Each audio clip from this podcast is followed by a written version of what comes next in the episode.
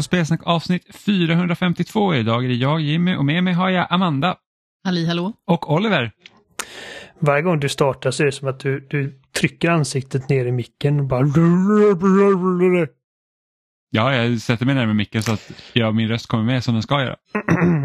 och jag blir alltid lika chockad för att vi pratar lite innan och så liksom, ja, det är en normal ljudvolym och sen så kommer bara... Ja. Och så får han något sensuellt i blicken. Ja. Mm. Nej, jag sitter, ofta när vi pratar innan så sitter jag typ kanske en meter från micken, vilket man inte ska göra när man spelar in. Så nu sitter jag kanske en 20 centimeter från micken. Mm. Ja. Lite mer, 30 kanske. Nej, 20. Snarare max 15. Eller 20. Vi har diskuterat det här förut. Din avståndsbedömning är inte den bästa. Impeccable, säger jag bara, om jag själv får bestämma. Bristfällig, skulle jag vilja kalla den. Ah, nu tycker jag somliga är lite känsliga. Avståndskänsliga? ja, precis. Det är bara att köra på mitt spår så får jag alltid rätt. Tuna in nästa vecka för den spännande fortsättningen på hur nära är micken? Eller hur? Jag tycker, jag tycker så här. Våra lyssnare kan liksom få mejla in och säga hur tror de nära micken vi sitter egentligen? Mm. Det är lite synd att vi måste dela mick dock. Men jag, jag har planer, jag har haft planer nu i flera år att jag ska köpa ett litet ljudkort. Och sen jag med, har planer. Med två stycken mikrofoner så kan vi sitta på varsitt. Så kan vi sitta på varsin sida om bordet. Och det blir ännu lättare när vi förhoppningsvis får en större lägenhet. För då kan vi liksom sitta vid varsitt bord också eller liksom ha en annan struktur på liksom ja, ja. själva mickordningen. Då kan man ha liksom ett, ett riktigt studiebord. Faktiskt. Ja, nicken hördes bra. Ja, förlåt. Verkar så väldigt bestämt så här. Det var mitt svar.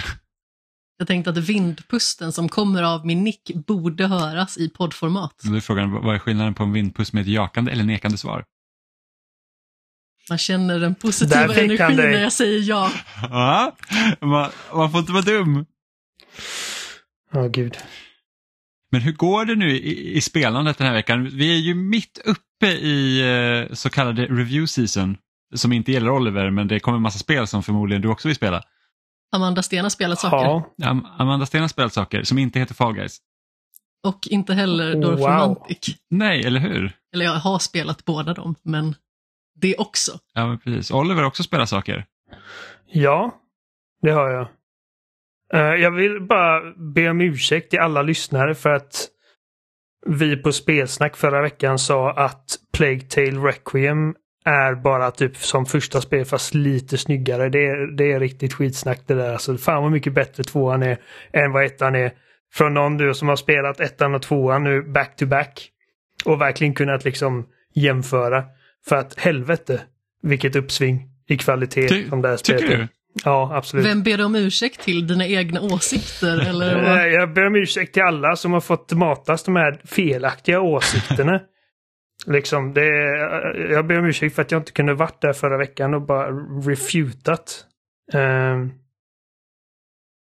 skämt åsido. Uh, jag, jag, tycker att det är ett uh, betydligt bättre spel än vad, än vad det första spelet är. Uh, jag tycker också Requiem är bättre. Mm. Men uh, jag hade hoppats på lite nya, alltså jag hade hoppats på att inte typ göra samma typ av pussel eller typ samma typ av fiender igen. Ish. Så, så du hade inte velat ha typ råttor och sånt? Jo, jo, absolut. Jag hade bara att man kunde göra mer saker med råttorna. Jag... Ökad eh, variation. Alltså, jag tycker att det här spelet är betydligt bättre på att liksom kontinuerligt eh, introducera nya sätt att att göra de här pusslerna med. Alltså liksom både när det kommer till ability som dina companions introducerar och eh, olika al alkemi-grejer och med armborsten och, och framförallt, alltså okej, okay, dels så tycker jag att alltså, storyn är betydligt bättre. Den är mycket mer ambitiös, eh, mer omfattande och eh, mycket mer gripande tycker jag än den första gången. För att i första, första spelet så jag vet att du nämnde, du nämnde liksom att slutet verkligen trappar upp i det här spelet till att bli något alltså, riktigt dramatiskt. Och det håller jag med om.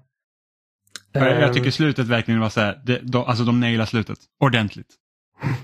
ja, så här bitterljuvt. Uh, på, på ett sätt som, som jag uppskattar. Vi ska givetvis inte säga mer om slutet men, men det var väldigt bra. Men jag tycker att liksom även innan dess att det känns lite som att man trampar vatten för länge. Man, man stannar inte på samma plats länge innan nya miljöer och nya, och nya mål introduceras. Um, jag, världen är så mycket mer um, levande den här gången. Mycket mer uh, påtaglig. Och att det skulle vara lite snyggare, alltså det är betydligt snyggare. Detta, jag tycker att det här är alltså lätt ett av de snyggare spelen som jag har spelat i år.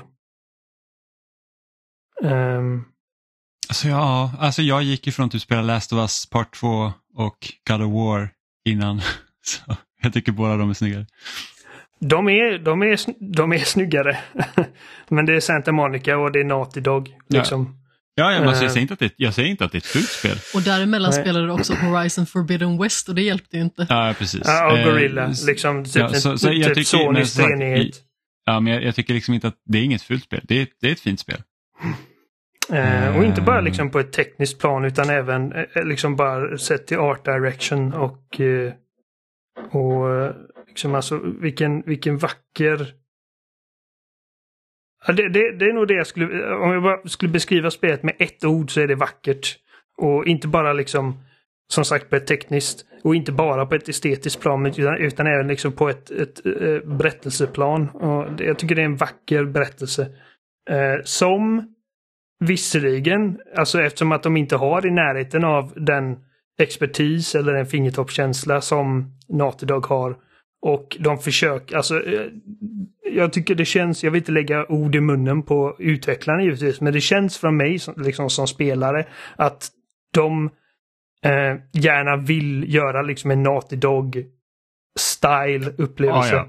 Alltså det är ingen tvekan om att det är därför de har tagit inspirationen med tanke på, alltså även hur nivåerna är uppbyggda känns väldigt mycket Last of Us Part 2 och Uncharted 4. Mm. Det, här med... det är liksom det är, alltså, linjära men liksom breda banor om man säger så. Det, det är liksom så att du har du går liksom inte, det är, det är inte det värsta du kan hitta på de 360-tiden när det är liksom så att du går på en korridor och det är allt du gör utan det är liksom så att här har du din bana och du kan liksom gå typ tre olika håll. Precis, och de tar sig tid liksom att, att låta en gå runt och sniffa på blommorna och göra liksom mindre viktiga grejer. Um, och det är karaktärsdrivet framförallt. Liksom att man har, man är väldigt sällan ensam i spelet. Så ehm. är det. Eh, jag tycker att de fokuserar alldeles för mycket, alltså de, de har liksom arslet uppkörda i sin egen lår. Vilket jag tycker är lite synd. För att jag hade gärna hoppats på att det är liksom mer drivande för karaktärerna än att det är liksom så här att ah, vi ska veta vart Mackilan kommer ifrån och, vi liksom, mm. och nu mm. har vi de här två stora liksom, eh, vad ska man säga, rollerna i, i hela den här mytologin som blir liksom superviktiga. Eh, så jag hade nästan... Ja, där, där, jag, där håller jag med. För att jag hade liksom, alltså det roligaste med karaktärerna i det här spelet det är ju sidokaraktärerna. Alltså det är liksom hon, typ pirattjejen och, och, och han riddaren liksom. Arno och gör, Sofia. Precis, gör ju att det är mycket roligare för att Hugo är som sagt ganska tråkig. Ehm. Jag försöker rent visuellt föreställa mig hur det ser ut med det här fastsittande arslet upp i låren ja, det, det, det, det, är en liten, det är en liten eh, fantasiövning. En liten tankenöt. För att det, är liksom, Nej, det, det halkar jag, lite in på samma grej som det här, som ofta typ skräckfilmsgenren hamnar i. Du har liksom första filmen som är så här att oj vilken rolig idé, jävlar vad läskigt det var och sen så kommer film två och då bara nu ska vi förklara allting. Och man bara mm. nej, sluta. Ja, jag, jag håller med och det, det, det, är lite som typ det, som, som i Dead Space med uh, den kulten som är bakom. Det är typ alltid det som är minst intressant med Dead Space. Och som fick och det fick ju komma uh, Dead Space-böcker. Ja. Som handlar om den The Markers och... Uh, jag kommer inte ihåg vad de kallar det. Det är inte scientology men det är nästan samma sak. ja, ja, precis. uh, men ja, så att när de, när de verkligen djupdyker in i The Macula och liksom uh, uh, The Host eller vad fan han kallar det och The Protector, nej The Carrier. Mm. Och den bakgrunden. Men för mig, alltså allt sånt där bara, det går in i ena örat och ut i andra örat. Jag, jag kommer inte ens ihåg vad man fick lära sig om, Nej, men om det den här skiten. det är så mycket uh, sånt.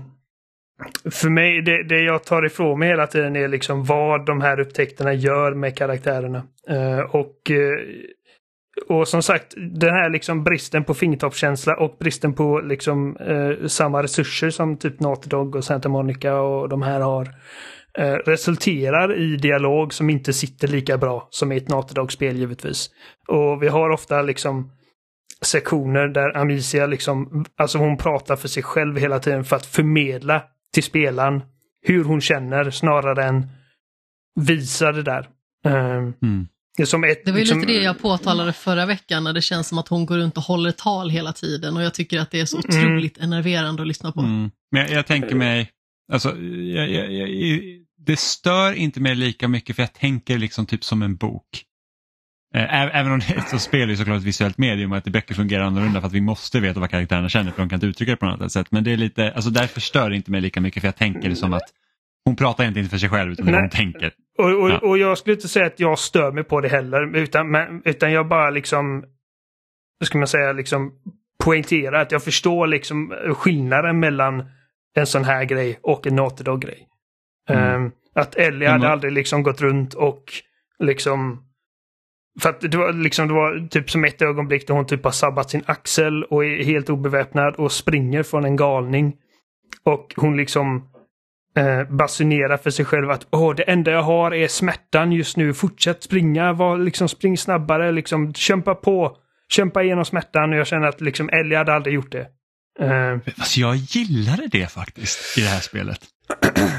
Och jag tror det bara för att, och jag tror att mycket beror det på eh, röstskådespelarens eh, sätt att uttrycka det. För det var liksom bara så här för att Alltså, jag måste säga att hon gjorde ett väldigt bra jobb där, för det lät ja. verkligen som att du har en skadad axel och det gör jävligt ont. Och, och det vill jag också poängtera att jag tycker att hon som spelar Amicia är grymt. Alltså hon ger verkligen allt i det här spelet. Det, det är få, liksom, det är få ögonblick, där, liksom repliker som hon har där hon inte liksom verkligen infusar någon liksom påtaglig känsla i det hon säger. Och när, som du säger, när hon har ont så låter det som att hon har ont. Och det är som sagt, jag tror att den här skådespelerskan med liksom typ en Neil Druckman som regissör hade kunnat gå jävligt långt tror jag. Låter som en besvärad halvtaskig livscoach men men störde, ähm, inte, alltså, störde inte du dig på att hon svängde så jäkla mycket i humöret hela tiden? Alltså det var liksom så här att det här är det viktigaste vi måste göra nu och sen när man har gjort det så bara nej, det var fel. Nu är jag arg på det istället.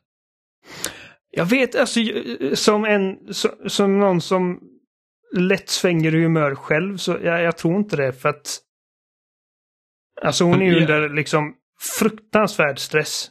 Den här stackars och människan. Och tonåren. Jo, jo, jag vet, men jag tänkte alltså redan i början när man ska hämta den här jäkla prästen eller vad han nu är. Och det är liksom så att det här är det viktigaste vi ska göra. Liksom, vi måste ha den här prästen för att hjälpa Hugo. Så kommer han dit och sen helt plötsligt håller hon inte med honom och då är det så här bara, åh nej, han förstör allting. Och man bara, men vi släpper ju precis hit honom. Ja, men det, hon Låt vet ju inte att hon inte håller med i hans liksom approach när hon ska hämta honom. Hon, nej, jag vet, men det, det är liksom, det, det, istället för att vara så här att okej okay, men gör det du ska för att liksom, det här är enda chansen vi har så är det liksom så här, bah! liksom så här helt, och jag var så här, nej men alltså snälla nu, vi, vi sprang i den här råttinfesterade jävla staden som är helt avskärmad. Och liksom mm. snälla, låt han bara. Jimmys ilskeyttringar, även känt som en arg get. Ja, men det är så här, ge honom lite en chans. Alltså, det, och det hände flera gånger i spelet, det, det, det störde mig. Men det, det är bara för att jag själv alltså, hade nog inte resonerat så. Det, alltså, det, jag vet inte, jag... Eh som sagt, det finns massa och, och många av de här liksom poängerna som de försöker framföra i spelet hade, hade liksom framförts mycket mer elegant med, som sagt, jag återkommer till Natodog hela tiden eftersom att det verkligen känns som att det här är liksom det är vad de vill uppnå. Men, det är till och med så att det kanske de... hade fungerat bättre i text enbart också, till exempel. Ja, kanske. Men alltså en, liksom för att vara den, med de medel de har tycker jag att de lyckas jävligt bra. Och det var en, en scen som jag inte ska spoila, men Hugo säger I am home. Och jag bara fy fan. Vad creepy. Ja, precis. Ja. Uh, precis. När, när Hugo, alltså, Hugo är också en sån karaktär där jag tror att det är svårt för att han är så pass liten. Ja. Vilket gör att det är liksom det är så här inte som Ellie som är 14 Nej. liksom. Nej, och det är därför blir det så att som Amanda säger att Hugo är rädd hela tiden för det är typ det vi får ut honom större delen av spelet tills det liksom händer saker och då är det liksom som i slutet till exempel, då blir det så att ah, det, nu, nu, liksom, nu fastnar det. Eller liksom, det, det, känns som att det lossnade. För att jag pratade med Adam om det nyligen och eh, han sa att det var, jag har inte känt mig liksom så beskyddande över en karaktär i ett spel sedan Clementine i Walking Dead. Eh, och eh, och jag fick säga liksom att, liksom, och han sa typ du kommer säkert säga typ Ellie eller Atreus. Men jag kände, jag kände mig inte beskyddande över Ellie och Atreus på samma sätt. För att jag känner att de är ändå så pass modiga. Och så pass, jag menar de är ju givetvis sårbara men, men de är liksom inte helt hjälplösa. Och de visar inte de är ändå gamla nog liksom att de, de, de känner till den här världen. Detta är liksom en liten pojk som bara vill ha ett normalt liv. Liksom. Och hur gammal kan vara? Typ sex? Fem. Är han fem? Ja. Men, men kände du det att du var så beskyddande över honom? uh, inte, som, inte lika mycket som med Clementine nödvändigtvis. Uh, men, men jag, känner, jag, var en, jag känner mig ändå mer beskyddande över honom än, än typ Ellie eller Atreus helt enkelt för att han är i typ två modes liksom. Och det är typ liksom som barn är liksom att antingen så är de glada eller så är de ledsna. Och eh, han är inte den som liksom tar an utmaningar liksom med en klackspark. Liksom när, det verkligen börjar bli läskigt i storyn så bönar och ber han om att snälla kan vi inte bara vända liksom. Och, mm. och det kändes tufft att behöva släpa med honom. Eh, precis som jag antar att det var för Amicia såklart. Eh, som behöver liksom intala sig själv liksom att det här är typ den enda det här är det enda sättet. Och det är liksom nu var jag nära på att spoila någonting, det ska jag inte göra. Men... Nej, det, det, det, är en svår... Visst, liksom hans, hans eh, skådespel och hans liksom dialog och så. Eh, det finns grejer man kan peta på och bara, ah, men det där liksom, det där faller, faller inte rätt, riktigt rätt på örat. Men som sagt, det är en svår ålder. Och... Eh, Nej, jag, jag är imponerad. Det enda jag kände var liksom att det var alltså minst en tredjedel längre än det förra spelet. Uh, ja, det, det, är längre. Det, det, det, det är längre. Och uh, jag, jag har kommit till den liksom åldern nu att jag liksom uppskattar spel som inte är så långa. Som jag spelar igenom Modern Warfare 2 på 4-5 timmar. Jag bara, fan vad gött. um, Ja, Men ja, mm. ja eh, vi kommer till det spelet lite senare tänker jag. Och sen också, eh. alltså en sista grej bara liksom att, för att i, i det förra spelet så kände jag liksom att Okej, vi har de här smygsektionerna och du har de här verktygen. Du slänger stenar på den här grejen för att locka till dig fiender. Och jag kände att i första spelet så kändes det alltid som att det finns, det här, det finns en väldigt liksom i förväg uttänkt väg för mig att ta mig och smyga mig förbi de här fienderna. Liksom att det fanns liksom alltid någonting i närheten som att okej, okay, dit kan jag locka en fiende för att han ska titta åt det hållet och då har jag liksom mitt, min opening. Och det kändes som att de liksom var ungefär som ett spelbräde, liksom att de gick väldigt statiskt och liksom robotiskt eh, i sina paths. Och i det här spelet kände jag mycket mer att jag kunde manipulera AIn. Jag kunde liksom bli upptäckt och det var inte kört. Jag kunde liksom det var eh, betydligt mer dynamiskt i liksom bara på ett liksom gameplayplan i sina stealth och action-moment. Och det, det kändes alltid, eller nästan alltid, som att det fanns fler än, liksom att det fanns flera olika sätt att ta sig förbi varje situation. Um, och det kände jag inte förra spelet. Så där liksom bara på ett spelplan kände jag att det här är liksom en av de största uppgraderingarna mellan spelen. Ja, det är för att de har liksom kört liksom mer, alltså en, en, en större banor. Ja. Liksom det är större fält att gå runt på. Och bättre AI, liksom jag menar det, det är säkert massa grejer under huven på det här spelet som har liksom förbättrats sen, sen dess. Um, när kom det? Var det 2005? 2019. Var det så? Ja, mm. Ja det, är inte, det, är inte, det är inte så gammalt. 2018 Nej. var det väl? Till och med det kanske. Nej, något av dem. Det, det är i alla fall eh. inte jättelänge sedan. Medan liksom, så att rent mekaniskt så är båda spelen väldigt lika. Du har din slangbälla och du har liksom dina stenar du slänger för att uh, locka fiender och grejer. Men alltså efter att ha spelat dem back to back så känns det första spelet väldigt gammalt. I jämförelse. Um, Nej, Jimmy så... har rätt. 2019. Ja, ja det... Fan. Tiden både, både går snabbt och långsamt på något sätt. Tiden går jättefort. jo, men det känns som att Playtale har funnits längre än bara tre år, men ja. Nej, det... Uh... Nej, så att uh, jag... Uh... Vi pratade liksom om, ja, skulle det hamna på en topp 5? Och jag skulle nog säga att det gör det, men förmodligen för att jag har spelat historiskt lite spel i år.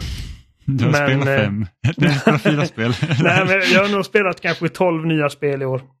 Ja.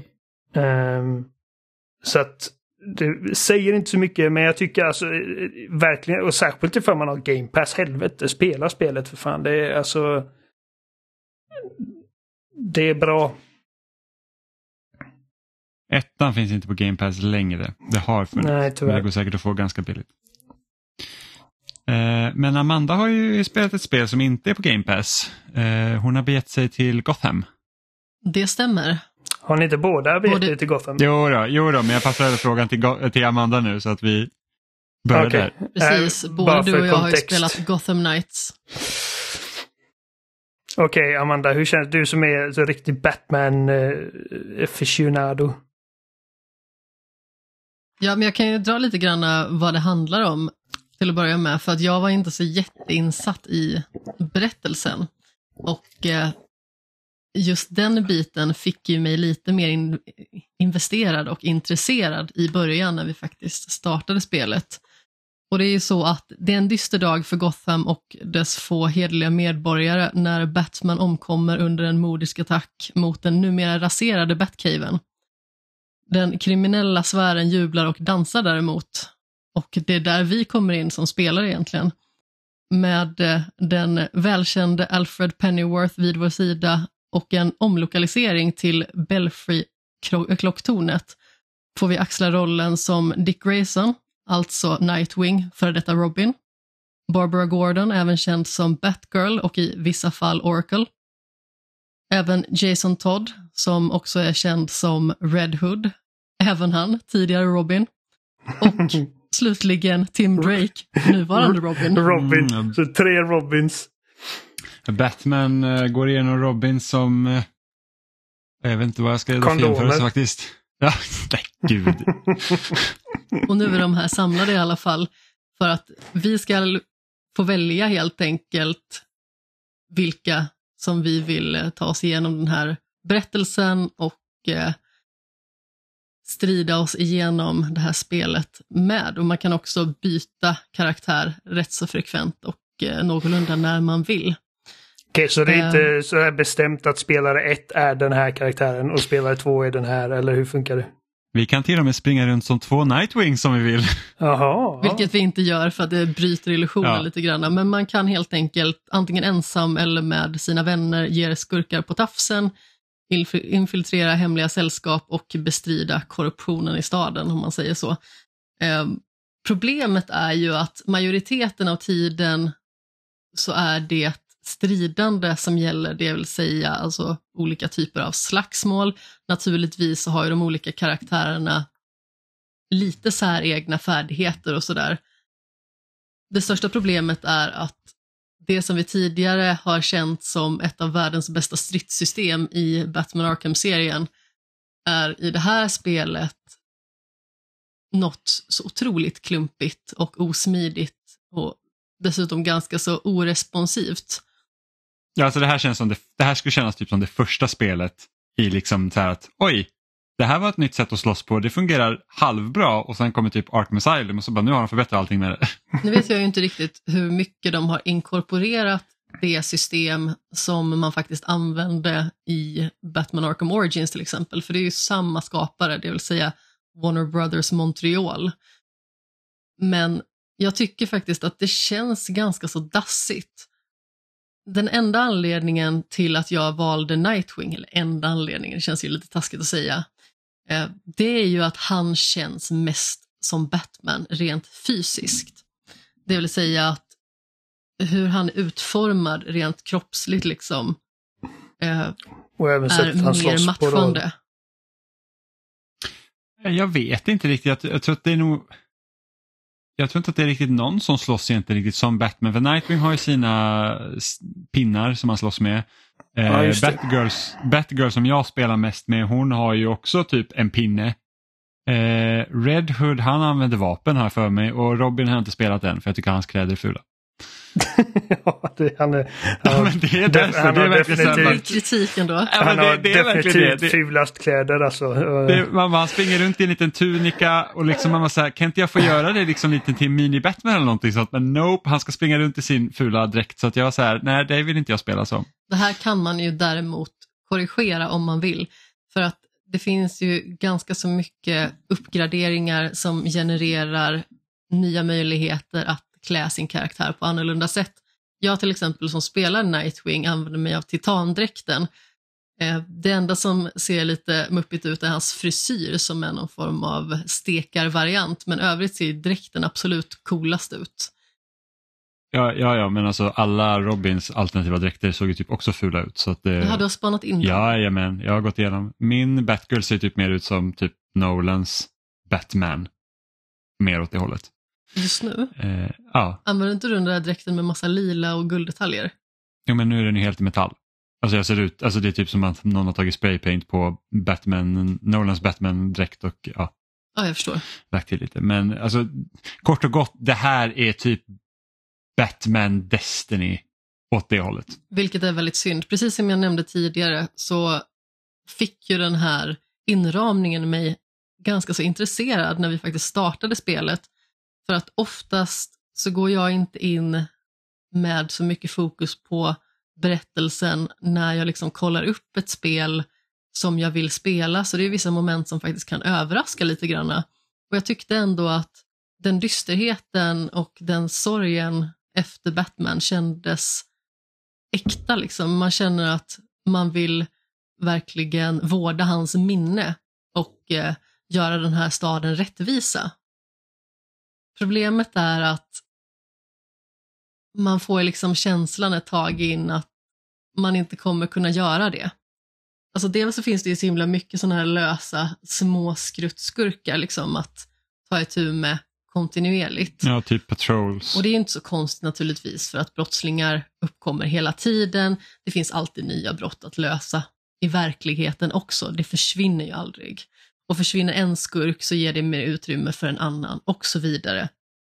Men det känns som att lösningarna på alla problemen är ganska så enformiga. Vi har ju liksom fått ställas inför underjordiska organisationer och sånt som är lite mer hemlighetsfulla. Och när vi skulle göra typ ett utbrytarförsök när vi blev tillfångatagna, då känns det liksom som att den boxen för karaktären är så himla mycket större och har en helt annan träffyta än det vi ser. För att man dör liksom bara man blir alltså duttad några decimeter ifrån. Det var till och med att jag utbrast i ren frustration igår, den där nuddar inte ens mig. Och det är ju någonting man kan typ säga även att man faktiskt ser att den lite grann nuddar, bara det att man blir förbannad och eh, lackar på spelet. Men till och med Jimmy bekräftade att nej men den rörde ju liksom inte ens dig. Och det är mycket så det är, att det liksom är otroligt opolerat, det är svårt att beräkna i sitt huvud i de olika situationerna, hur mycket svängrum man har. När vi har strider och spelar tillsammans, då är det väldigt lätt att vi går på samma karaktär och vi vet liksom inte riktigt vad som tillräknas oss själva. Och det finns inget bra system heller för att slåss ihop. Det finns någon manöver som innebär att man liksom gör en laginsats eller en gemensam attack. Men det finns inget system för att kunna sköta det där tillsammans. Nej, alltså det blir liksom inga häftiga animationer när man liksom typ slåss på samma gubbe eller man liksom swishar förbi varandra när man slåss. Det, det, det är lite synd faktiskt. Eh, och sen det här att största problemet i stilen det är ju det att kontrollen är så alltså den, den är inte responsiv. För att det är liksom så att det finns så många olika grejer man måste göra och tajma in och så lyssnar inte kontrollen. Så till exempel i tidigare Batman-spel, till exempel om du håller på att bli slagen så kommer det upp en symbol för eh, fiendernas liksom, huvud och så trycker du på en liksom, kontringsknapp. Den finns ju inte kvar utan nu, liksom, nu kastar du dig undan istället så att man ser typ när fienden laddar upp sin attack, det blir som en cirkel runt liksom, knytnäven eller vapnen den har. Och sen när den blir typ mer som en stjärna kan man säga eller typ en explosion eller liksom taggig. Tänker anime. Ja, den blir liksom taggig. Då ska du dodga för då får du liksom en perfect dodge. Men det är bara att när du ser den liksom symbolen och liksom registrerar att nu måste jag dodga och trycker på dodge, då, liksom, då lyssnar inte kontrollen. Det är liksom så att alltså typ nio fall av tio känns som att då failar man. Eh... Jag brukar oftast paniktrycka på cirkelknappen ja. bara för att kunna komma undan i rätt ja, liksom, ögonblick. man kan ju dodga tidigare såklart men om man nu vill liksom ha liksom så att ja, men nu gör jag den här dodgen för då kan man göra en counterattack liksom den, så, så, funkar inte det. Och sen så har du också att du ska typ, varje karaktär har liksom specialattacker. Eh, så att då håller man in R1, vi spelar på Playstation, och sen så får man trycka på någon av liksom face-knapparna som eh, fyr, fyrkant, trekant, cirkel och kryss. Och det är liksom så att och, och, och, när man spelar så att nu ska jag göra den här liksom som att alla blir typ flashade så att jag liksom kan börja slå på de här. Och så trycker man det en gång och sen väntar man sig att man ska börja puckla på dem och då säger att oj, specialattacken gick inte in. För att spelet känner inte av att jag tryck den här kombinationen som, som jag gjorde. Eh, så att det är sådana grejer som gör att det är så himla eh, irriterande. För att det finns liksom, det, det, är ingen variation i spelet utan var, allt löses genom att du slåss. Du liksom där, du går ut på stan, du, du, ser något brott, du ska slå dem eller du spelar ett huvuduppdrag och du går genom linjära korridorer och du ska slå allt du ser. Tidigare i Batman-spelen så var det ofta en ganska stor blandning mellan i alla fall liksom Asylum och City så var det så att ja, men nu är det i det här liksom stora typ eh, liksom komplexet där du liksom, ja det finns fiender att slåss men du har också pussel att lösa. Och visst det finns några få pussel här också men det är så att nu är det i det här rummet, lös det här pusslet nu. Det är liksom inte som att du går runt på en bana och liksom får känna av miljön utan det är väldigt, väldigt linjärt. Det är också ett övergripande tema i alla fyra Arkham-spelen egentligen att du behöver tackla situationer på olika vis. I vissa fall så innebär det att du kan strida dig igenom rent fysiskt med slag och sparkar och eh, runtsvepningar och att du fintar dina karaktärer som du möter. Och i vissa fall så behöver du verkligen smyga för om du blir upptäckt så ligger du brunt till. För om det visar sig att dina motståndare har automatvapen till exempel, då kommer de ta ner dig illa kvickt för att Batman är inte odödlig. I varje minsta lilla sån här strid som vi har stött på, då finns det ju en möjlighet i ens huvud att gå vidare med ett smygmoment. Det vill säga, jag sitter på ett hustak, jag ser att ett brott begås eller jag ser att det är liksom en kriminell klunga som står och håller låda på något ställe. Och om jag börjar och hitta det här fokuset på smygandet, då blir jag upp, upptäckt jättefort av någon outgrundlig anledning för att det finns inget mönster som ger utrymme för smygandet. Så jag ser egentligen aldrig någon anledning att använda det och det tycker jag är väldigt synd. För eh, slagsmål kontra smygande, det är en väldigt intressant mekanik som man liksom måste ta i beaktning när man spelar sig igenom Arkham-spelen för att man måste avväga varje situation och se vad fungerar bäst. Kan jag kuta in här och krossa de här personernas näsben nu? Eller måste jag hålla mig undan och ta dem i det fördolda? För att annars så kommer jag att bli ihjälskjuten. Här är det liksom absolut ingen skillnad. Visst, man kan ju finta attackerna, man kan finta skotten och sådär. Och det är väl på sätt och vis en bra grej, men samtidigt, precis som Jimmy nämnde, så är det ju ganska så oresponsivt i kontrollen. Man vet liksom inte alltid riktigt vart man dras för någonstans. Oavsett om jag klickar i en riktning som jag tycker känns rimlig så kanske det inte är där jag hamnar.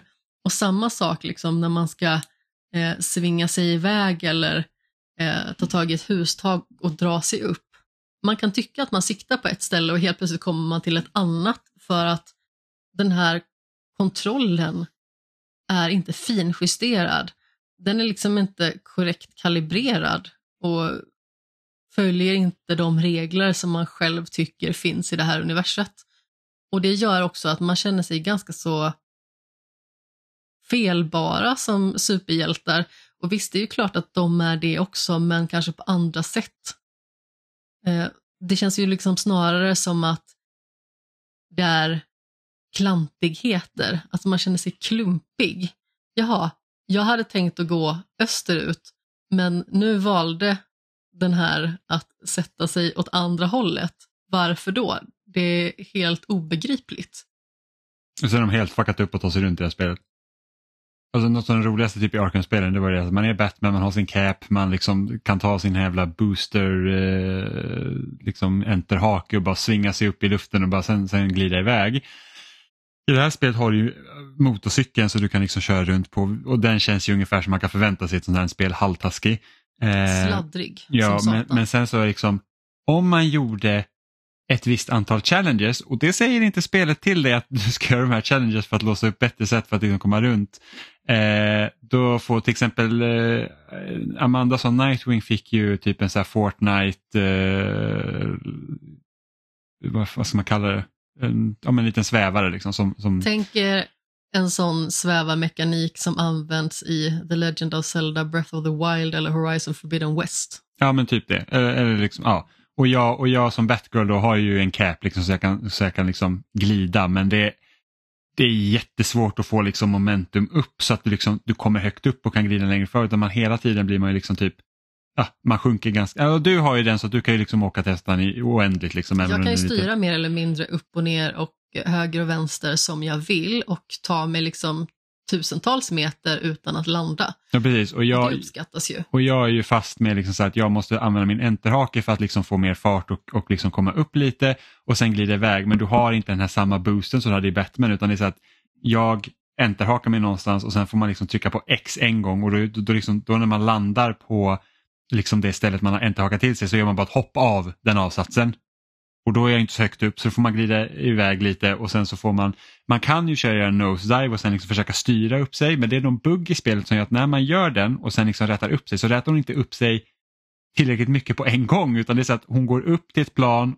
och sen får hon liksom ett, litet, ett, ett, liksom ett, ett hack uppåt så att då, då är det ofta liksom för trångt. Eh, eller att det liksom blir fel. Så att det, det är liksom så att man får slåss med kontrollen konstant känner jag och det är liksom så att det är inte roligt. Jag hade ju gärna uppskattat att ha den här uppgraderingen redan från början för när man liksom ska ta sig över vattendrag och så och inte behöver ta sig runt, då är ju det jättevälkommet. Jag antar ju att det är så att de har tänkt att nu måste ni använda motorcyklarna här så intensivt som möjligt. Ja, och det är väl lite för att man inte ska hamna i det här samma som det blev i Batman Arkham Knight till exempel. Så att du kan redan ta dig runt så bra med Batman, varför ska du använda bilen och då blir bilen en tank istället? Eh, så jag tror att det är lite så man har tänkt men samtidigt så att alltså, skit i motorcykeln, låt mig bara liksom glida runt i Gotham för att det fungerar redan så bra. Eh, men det jag ska säga att det jag gillar med spelet, och liksom är för att det är ju ett open world-spel och du har en ganska stor liksom, del av Gotham som, som du kan liksom springa runt i, det är det att vi är inte bundna till varandra när vi springer runt i stan utan vi kan liksom gå åt varsitt håll och liksom säga att ah, men kör du de här liksom skurkuppdragen så kör jag de här skurkuppdragen. Så enda gången egentligen vi behöver typ samsas eller sammanstråla det är när man kör huvuduppdragen. Det också. Men det kan vara till fördel att köra de här skurkuppdragen tillsammans. För att vi märkte ju en gång igår när vi separerades från varandra och gick skilda vägar för att effektivisera. Då märkte vi också att satan, den ena av oss fick jättestort problem, det vill säga jag, för att jag hade många sådana här eh, gigantoskurkar, det vill säga sådana som eh, är stora bösar som man behöver använda lite mer specialattacker på. Eh, vilket gjorde att när jag blev attackerad av massa småskurkar därtill fick jag en del problem. Ehm, så det var ju liksom en klurig avvägning där. Men rent hypotetiskt så kan man ju sära på sig för att kunna effektivisera och därmed också få en kvickare progression i spelet. Om man liksom koordinerar det hela på ett smart och taktiskt vis. Och det uppskattar jag också. Jag uppskattar också liksom hela idén med det här att du är två stycken superhjältar, eller tre eller fyra. Beroende man, på kan bara, man, man kan bara spela två stycken samtidigt. Kan man bara eh, spela två? Ja, det ska, jag vet inte om det finns i spelet än, men det ska komma ett läge där man liksom typ är, jag skulle gissa på att det är typ hård, så där man är fyra stycken. Ah, okay. men, det, men du kan liksom inte vara fyra kompisar och ränna runt i stan som vi gör. Utan då är man två. Ja, jag var helt eh, omedveten gällande det här. Men eh, då kan man i alla fall ta sig runt två stycken personer, eh, spela den här berättelsen tillsammans och man kan ta sig an liksom allting som Gotham har att erbjuda. Och rent konceptuellt så är det faktiskt en väldigt kittlande idé och den idén växer mer och mer på mig hela tiden. Det är klart att man saknar Batman, det är en av mina favoritkaraktärer. Men samtidigt så gillar jag liksom det som presenteras framför mig på ett konceptuellt plan. Tyvärr så är det inte tillräckligt väl utfört för att det faktiskt ska fungera så optimalt som man vill i realiteten. Alltså jag stör mig bara på att det är liksom så här att det är liksom en variant av Destiny-gameplayet, precis som typ Wolfenstein Youngblood också var liksom en typ Destiny-variant utan att faktiskt vara som Destiny. Och här blir det så att du har liksom så här att ja, men här är dina patroluppdrag i princip och så här, här kan du liksom samla på dig resurser så att du kan crafta bättre armor och grejer. Och det är så att varför finns ens armor crafting här? Det är liksom helt onödigt. Det är liksom så att oh, nu har du gått upp en level och nu kan du liksom crafta lite starkare armor så du tål mer och du slår hårdare. Men det är så att jag, varje gång vi liksom återvänder till Belfry som är liksom huvudbasen för att liksom, ah, nu kan vi crafta mer armor, så bara craftar jag det bästa för att man har ändå så mycket resurser. Så då craftar jag bara det bästa och sen ut igen. Och det är liksom bara, varför? Det här, det här systemet känns helt onödigt. Eh, och så liksom så här, ah, fiender har levels och health bars och allt sånt. Så att det är liksom, allt pekar liksom till att vara typ en Destiny-like utan att liksom vara det egentligen. Och jag, eh, det är så tråkigt. Alltså, det hade varit så himla mycket, jag hade önskat att de liksom eller att fler utvecklare överlag hade bara gått in så här, okej okay, men det här är ett, det här är liksom ett co-op-spel. Vi har liksom den här berättelsen vi vill berätta och det är de här liksom spelarna som får vara med och liksom göra någonting av den och sen så ah, får man köra på det. Liksom. Istället för att det är så att här ska vara ett till spel som typ skulle kunna vara mitt evighetsspel de närmsta månaderna. Ja, det blir ju någonting väldigt generiskt och sandpappersfärgat över det hela i själva helheten. Just på grund av att det känns som att det finns så mycket potential att hämta i den här världen och just det här att det finns karaktärer som kan samarbeta och som kan göra det väl, men man behöver inte samarbeta. Jag hade uppskattat om det fanns element av ett behov av samarbete. Vi skulle kunna dra i min och Olivers idé för Watchdogs som vi, kom, som vi hade för typ flera år sedan, det var så att när, när de visade första träningen på Watch Dogs då var det så att ja, men, en spelare som Aiden då som huvudkaraktären och sen i slutet av trailern då typ pratar han i telefon med någon och så, så zoomar det ut och så får man liksom se ett annat liksom, typ gamertag-namn längre bort. Vi var så här, wow, tänk om man liksom kan spela co-op i kampanjen men liksom vi, inte, vi behöver inte vara bundna till varandra utan så att jag gör ett uppdrag på ett ställe och sen är jag på ett helt annat ställe och måste göra någonting annat för att vi ska sammanstråla för att vi egentligen arbetar mot samma mål. Bara när man, liksom att... när man drömde om spel som man typ nu i slutändan fattar att det är bara omöjligt. alltså det är ju svårt. Jag tror fortfarande inte det skulle vara helt omöjligt. Liksom alltså typ ta heistuppdragen i GTA 5 till exempel. Det är ju så nära som någon har kommit egentligen. Jo, men dra ut det på ett, ett helt spel. Liksom. jo, så... jo absolut, absolut, det är svårt. Eh, men liksom, här, här har vi egentligen Alltså vi kan ju säga att om vi ska låsa upp nästa huvuduppdrag så, så säga att ja, men ni måste göra typ fem av de här side crimes grejsimojserna som är skittråkiga.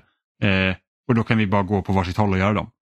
Det är ju ganska skönt. Istället för att vi egentligen måste vara på göra fem stycken tillsammans. Eh, men det, ja, men det är väl liksom... lite där man hade, för att när Amanda säger att hon önskar att det fanns liksom mer av ett liksom tvång till att faktiskt jobba tillsammans. Det, det, det är där man får typ när man gör spelet bestämma sig för ska detta vara ett co-spel eller ska det vara ett liksom single play-spel och det är svårt att göra både och. Um, vilket jag känner att ja. det ofta blir. För att alltså in, ingen hade gjort ett spel eller jag ska inte säga ingen. Men alltså det blir problematiskt liksom när man tänker att okej, okay, vi ska göra ett spel som går att spela själv för att alla kommer inte ha en partner att kunna spela det med. Um, Sen så finns det ju spel som A Way Out och It Takes Two där man behöver spela två. Ja, precis. Men då, då får man liksom bestämma sig för det. Uh, liksom de som gjorde, alltså, vad, vad är det de heter? Uh, utvecklarna. Hazelight. Hazelight, ja. De sa ju det liksom att okej, okay, ifall, ifall du är en singleplay-spelare så är inte detta för dig. Du kommer inte kunna spela detta. Och då då sätter man det liksom den presidenten. Um, ja, men, men sägs, även, även det är som ett co-op-spel för att det är ju ett multiplayer-spel, alltså även om du kan spela det själv så är det liksom så att när vi gör huvuduppdragen så är det som att den ena av oss inte existerar. Det är liksom så att mm. Amanda som har varit host nu och då är, liksom, då är det Nightwing vi ser i cutscenesen. Och är vi inne liksom i ett huvuduppdrag och jag råkar trigga igång en cutscene, då får den så i min karaktär. Ja. Då är inte Nightwing där. Så att det är liksom så att det du hade kunnat lösa det på då det är liksom så att okej okay, men säg att du spelar själv. Så att du, du liksom, när du kör huvuduppdragen det är alltid två karaktärer med. Antingen så är, spelar du själv så har du en da, datorstyrd gubbe som är liksom där så att ni är mm. två. Och sen så är man med i cutscenesen samtidigt. Liksom. Så det är lite synd för att det är så att ja, men Nightwing är här på äventyr och det är inte Batgirl fast jag är ju här. Så det, det är lite synd. Men det man ser av alla, liksom hela kritikerkåren, är liksom att ja, it falls short on the uh, Arkham Games. Och jag tror säkert att utvecklarna gärna hade sluppit alla jämförelser med Arkham-serien, men det går ju inte att undvika heller. Det, det är bara, ofrånkomligt. Det bara går inte. I och med att... Nej, men sen ta, ta bort, säg att det här inte var ett Arkham-spel så har du fortfarande kvar ett medelmåttigt spel. Det är liksom, det, det är inte bara med Batman-måtten mätt utan det är liksom så att det här är inte ett jättebra spel. Det är liksom på sin höjd OK. Men det är som sagt ofrånkomligt att göra annat än att jämföra det med Arkham-serien just bara för att Batman Arkham Asylum kom för 13 år sedan och spelar man det idag så är det fortfarande så mycket tajtare och smidigare och välpolerat än vad det här spelet är. Och Det är väldigt synd med tanke på att det här är ju liksom någonting nytt och det ska vara smidigt och det ska vara den senaste tekniken. Och på många sätt så känns det här spelet förlegat. Det känns inte lika smidigt som man vill att det ska göra. För jag menar, det här är vältränade superhjältar som liksom lägger ner majoriteten av sin vakna tid på att förfina den stridskonst som de ägnar sig åt för att liksom kunna hålla Gotham säkert. Men man känner liksom inte av det i kontrollen för man känner sig fortfarande lite halvtafflig, lite valpig och eh, man är liksom inte riktigt säker på hur det ena eller andra ska träffa. Eh, jag kan inte alltid känna att det är mitt fel om det går lite dåligt för att det är liksom sladdrigheten och eh, det oresponsiva som kommer i vägen. Men jag menar, när man spelar Batman eller någon av de andra karaktärerna som man liksom får känna på eh, i Arkham-spelen, då känner man ju liksom att jag är Batman, eller vem det nu är. Det... Framförallt Batman i och med att det är huvudkaraktären. Så det känns som att man verkligen får den här injektionen i sina egna blodådror av stridssystemet. Det är som en dans, det bara flyter på. Men det är liksom inte ens i närheten här. Det är definitivt responsivt, Arkham-spelen. Um... Men precis, och att det liksom finns det här med att när man är hyfsat nära en skurk, då finns det liksom ett litet insug som gör ja. att den här dansen, den här smidigheten påbörjas, som också gör att man känner att varje rörelse inkorporeras i den här kombinationen på ett så smidigt vis. Det spelar ingen roll om du fintar motståndaren eller om du sveper din cap över den eller om du slår den på plytet. För att allting är så följsamt och det är ditt eget fel om du bryter en kombo för att du har liksom inte varit tillräckligt snabb själv på att kontra eller ta dig undan eller vad det nu kan vara. Men här känner jag liksom att det finns ingen följsamhet i att finta en motståndare för att jag vet inte riktigt exakt vad tajmingen är för den känns inte naturlig. Eh, och man måste liksom verkligen vara i fas med den finten för att kunna fortsätta den kombinationen i det här spelet. Eh, så samtidigt som att det är svårt att avgöra hur man ska föra sig, hur man ska röra sig, eh, så är det också ett väldigt litet svängrum. Alltså det finns en bra video av Game Makers Toolkit som heter någonting i stil med Who gets to feel like a badass och han poängterar att eh, väldigt många spel är någon form av eh, power fantasy. Liksom om det i så fall är liksom att man eh, får vara en samuraj i Ghost of Tsushima eller Batman eller Spiderman eller vad det nu är. Och att det finns två olika liksom design eh, tillvägagångssätt för att ge den här power fantasyn till eh, spelaren. Och eh, i spel som typ Doom Eternal eller eh, Sekiro så tvingas, så de spelen tvingar spelaren att förtjäna den här power fantasyn. Ifall man inte spelar det på korrekt sätt och spelar det liksom och, och liksom alltså är någorlunda skillad att spela de spelen så får du inte den power fantasyn, du bara dör och dör och dör. Man och behöver lära sig de systemen. Liksom. Precis. Medan i, och det är en grej som Rocksteady var väldigt smarta med, med Arkham Asylum. Liksom att okej, okay, vad, vad vi vill göra med det här spelet på ett designplan. Vi vill att spelaren ska känna sig liksom som the, dark, the Dark Crusader. Och det ska hända direkt. Vi ger, vi ger bort den här power fantasyn omedelbart. Och det är liksom de uppnår det i striderna direkt genom att Batman är typ magnetisk till fienderna. Bara du trycker på punch, punch, punchknappen. punchknappen. Ta sig en liten hutt emellan. Mm. Bara du trycker på punchknappen så kan du inte missa i princip. Uh, Batman kommer liksom automatiskt dras till närmsta fiende. Uh, Vi har också absintknappen. Absint och vodka och, och eh, stänkarknappen. Tequila-knappen. Eh, så att liksom, så att du behöver bara trycka på en knapp för att få Batman att liksom slunga iväg sig mot närmsta fiende med liksom hälen före och liksom verkligen göra slarvsylt av dem. Um, och det låter inte som att de säljer den power fantasyn lika bra här. Definitivt inte. Och i Arkham-spelen då är det liksom så här att det tar ganska så kort tid att lära sig reglerna för stridssystemet. Ja, Men det tar väldigt mycket längre tid att mästra det och det är det som är det fina. Nästan vem som helst kan förstå och känna in rollen. Men sedan så kräver det ganska så mycket av dig om du ska använda liksom allting som kastas på dig med de här olika verktygen och färdigheterna och sådant som liksom gör Batman till den starka karaktär som han faktiskt är. För att det är ju liksom en manickmakare egentligen. Han har ju så himla många olika varianter av det där. Ja, utmaningen i Arkham-spelen blir ju liksom okej, okay, hur, hur, får jag en kombo på 100 utan att bryta den? liksom. Precis. Mm. Och sen så är det ju också så att, precis som jag sa tidigare, när jag spelar Batman Arkham, vilket spel av dem det än är, alltså även Origins eller Night, även att de är liksom det lägre skiktet av serien, då känner jag alltid, jag är Batman. Mm. Och jag känner mig döhäftig oavsett om jag smyger eller om jag kastar någonting eller om jag sparkar någon i röven. Men här känner jag tyvärr liksom inte att jag är Nightwing jag vill gärna känna att jag är Nightwing. Eh, för att det är ju liksom det som man är ute efter här.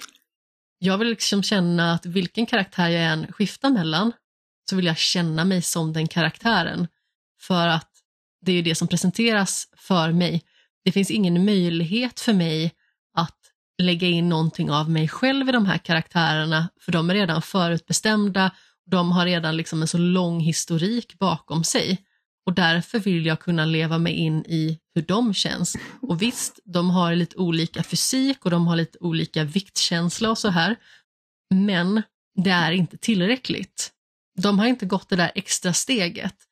Det känns inte som att det har sådan tyngd som det behöver i de olika striderna eller när man springer fram och tillbaka bara, för all del. Eh, vi sa det när vi tog våra första stapplande steg i spelet, att det känns lite som leksaksgubbar egentligen. Som de har placerat ut i den här världen. Mm. Utvecklar inte um, heller gjort ett bra jobb med att liksom särskilja det här spelet från Arkham-spelen. Och det, det är ju till liksom en fördel för dem också eftersom att liksom det får ju potentiellt mer uppmärksamhet när det kommer till försäljning och, och så vidare. Men alltså, rent estetiskt så ser det ju lite ut som Arkham-spelen. I alla fall om man liksom, jag tror säkert att när man väl börjar spela och kommer in liksom i det 90 gritty liksom att man ser skillnaderna. Men om man bara skulle se någon trailer. Så, jag menar, Batgirl och Darkwing och Robin och, och Red Hood, alltså de ser lite ut som sina motparter i Arkham-spelen. Um, som i sin tur också liksom har sett lite olika ut genom Arkham-serien. Uh, och men liksom jag såg någon kattsyn med pingvinen. Jag bara, det ser lite ut som Ark Arkham Penguin. Och, så att det har liksom inte riktigt en egen eller det känns för mig i alla fall att det har liksom inte riktigt en egen liksom, estetik heller. Nej, nej, alltså, det ser, alltså hade någon sagt till mig att det här är en fortsättning på Arkham-serien så hade jag ju trott dem. Även efter att jag spelat det. Och mm. eh, jag hade ju gärna sett att de lite mer hade skapat sig en egen identitet på ett kraftfullare vis. Sedan så uppskattar jag liksom inte riktigt att det känns så tecknat som det gör trots att det liksom ska vara realistiskt. Att jag tycker att deras dräkter, de ser liksom väldigt serietidningsaktiga ut. Det blir liksom lite för glättigt i färgschemat. Jag hade gärna sett att de hade ruffat till det där lite grann för att med den inledningen vi får när Batman faktiskt trillar av pinn framför våra ögon och förkunnar att det här är ert uppdrag nu. Då vill man ju gärna rida vidare på den dysterhetsvågen. Och jag känner liksom inte riktigt det i spelet heller. Eh, sen så i vissa fall så ser ju spelet sisådär ut när det gäller liksom hur karaktärerna eh, rör sig och eh, ser ut i allmänhet. Och då menar jag inte bara huvudkaraktärerna för att de är väl ändå de som ser bäst ut av naturliga skäl. Eh, och just ansiktena och deras stilar eh, tycker jag ändå ser ganska så välgjorda ut. Eh, och jag tycker också att det är trevligt att när man är i klocktornet, då får man liksom ställas inför lite olika scenarion. Det vill säga att men, någon gång så har de liksom vardagskläder på sig och någon gång har de träningskläder och man ser liksom att ja, de har varit ute och stridat för att Nightwing har liksom eh, ett armbågsskydd på sig och han har liksom bandagerade knogar och jag är, helt är säker liksom på att de har, jag är helt säker på att de har de grejerna för att det är de två karaktärerna vi har spelat. Ja, och jag uppskattar det. Det gillade jag väldigt mycket för då får man liksom en känsla av att okej, okay, jag har varit ute och uträttat skit och jag har dragit på mig skador. Och det finns ett väldigt fint segment också eh, rörande Alfred och jag ska liksom inte avslöja exakt hur det går till och sådär. Men då går man ju liksom till och med runt med en isklamp på sig bara för att man har eh, råkat ut för trubbel helt enkelt. Så det finns ju sådana detaljer som lyfter upp spelet ändå. Och jag tror inte på något vis att det liksom saknas kärlek till källmaterialet när spelet har skapats. Problemet är liksom själva spelprodukten i sig. Snarare än eh, materialet det baseras på. För jag tycker liksom att de har fått till karaktärerna ganska så väl. Eller vad tycker du Jimmy? Mm, jag är med. De känns liksom sympatiska och eh, eh, rimliga utefter vad de har varit med om. Ja, nej men det känns som att de här karaktärerna hade förtjänat ett bättre spel.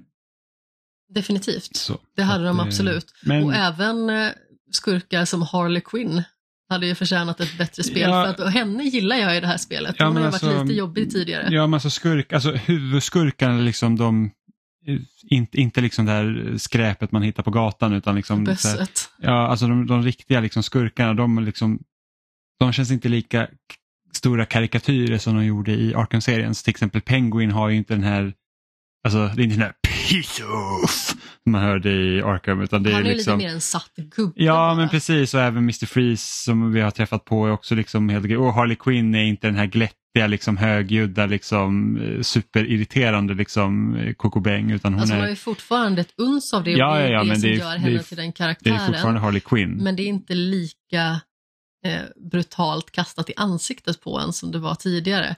Och eh, Harley Quinn gjorde ju faktiskt eh, några inslag som var otroligt roliga, framförallt, eh, kanske lite se- sexistiskt, men eh, eh, påtalade då till mig, alltså Nightwing, att eh, jag borde äta mer.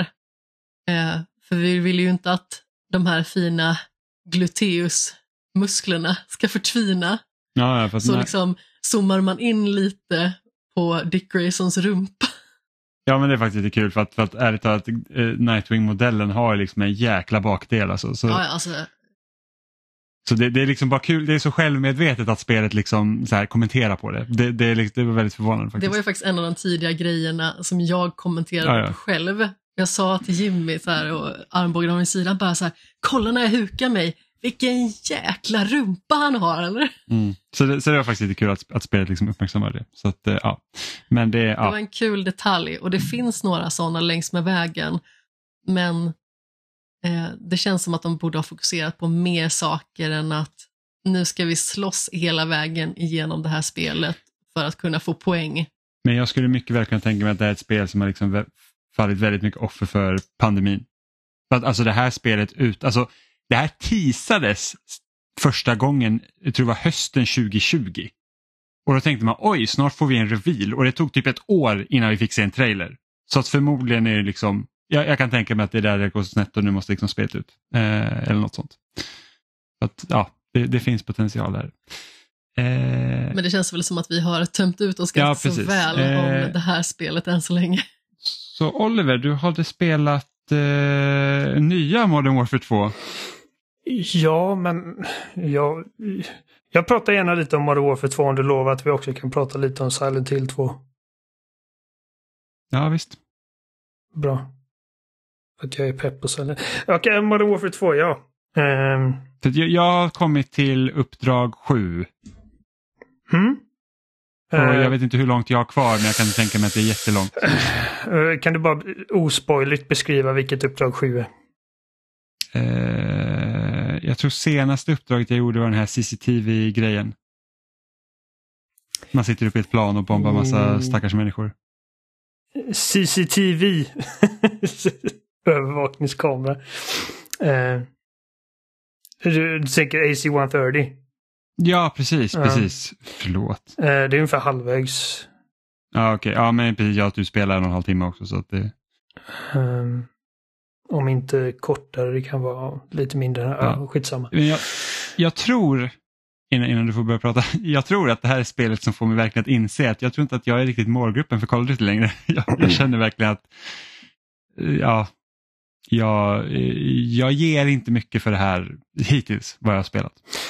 Nej, eh, jag eh, har haft väldigt kul med det för att jag, jag, eh, alltså, jag tror att jag kommer aldrig, eller jag kan nästan med liksom 100% säkert säga att jag aldrig kommer vara lika investerad i Call of Duty på ett multiplayer-plan som jag var för liksom 15 år sedan eller 10 år sedan. Jag har inte tid. Ehm. Nej men alltså även liksom, alltså även om, för mig handlar det inte så mycket om tid, det är bara att jag tycker att det finns så mycket roligare multiplayer-spel nu för tiden än Call of Duty. Ehm men eh, jag tycker ändå att kampanjerna är, eh, även när de är liksom som sämst, så, så eh, jag har ändå, jag har aldrig tråkigt med dem.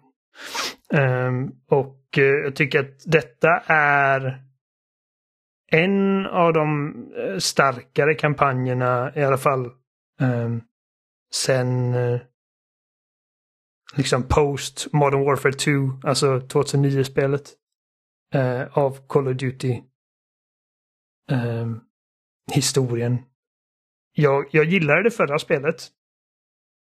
Ja, jag tyckte också det förra spelet var liksom bra. Även om det inte alls var på samma, liksom, det var inte ens lika nära mm, som Modern Warfare nej, 2007. Nej, och, så, och det, det, kan jag också säga att jag, jag är ju, jag, jag skulle inte säga att jag inte är målgruppen men, men mitt hjärta slår inte för Call of Duty som det en gång gjorde. Liksom. Alltså, när, när Modern Warfare 2 kom så var det liksom höjden på min så här, Call of Duty-mani. Det var typ Alltså det enda jag kunde tänka på, det enda jag ville göra var att spela Call of Duty. Och eh, eh den kampanjen kändes också liksom verkligen att detta är liksom peak, så här typ filmisk, liksom eh, militär shooter eh, action.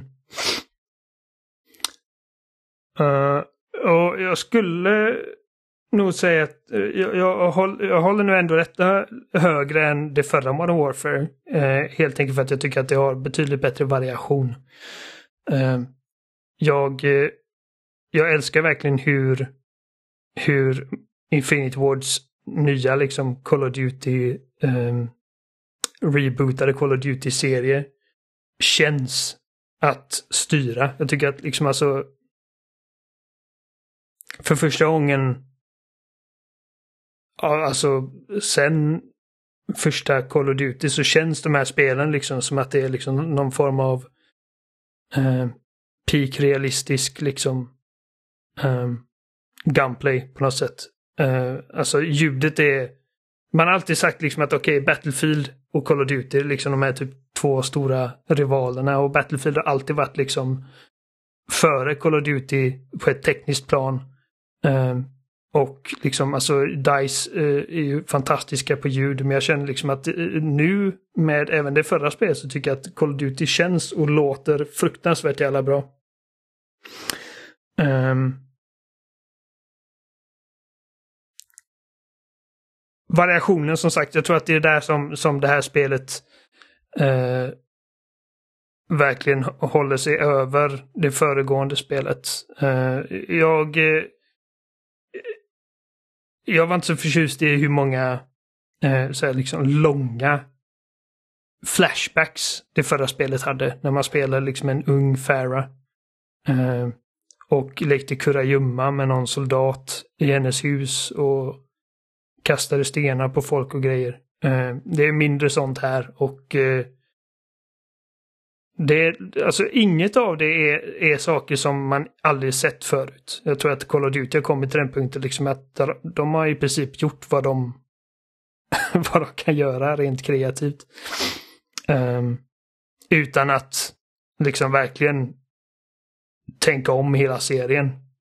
För att detta är ju liksom som sagt, liksom alltså meningen med den här nya Modern Warfare-serien, liksom att, att gå tillbaka till eh, vad Call of Duty var när det var som liksom, liksom toppen av världen där, där alla pratade om Call of Duty. Så att, eh, och Infinity Ward är liksom väldigt medvetna om eh, liksom vilka banor från deras eh, föregående titlar som folk verkligen pratar om. Som i det, förra, i det föregående spelet så var liksom det här eh, husuppdraget där man liksom eh, långsamt tyst och noggrant gick igenom rum till rum och letade efter de här terroristerna. Då.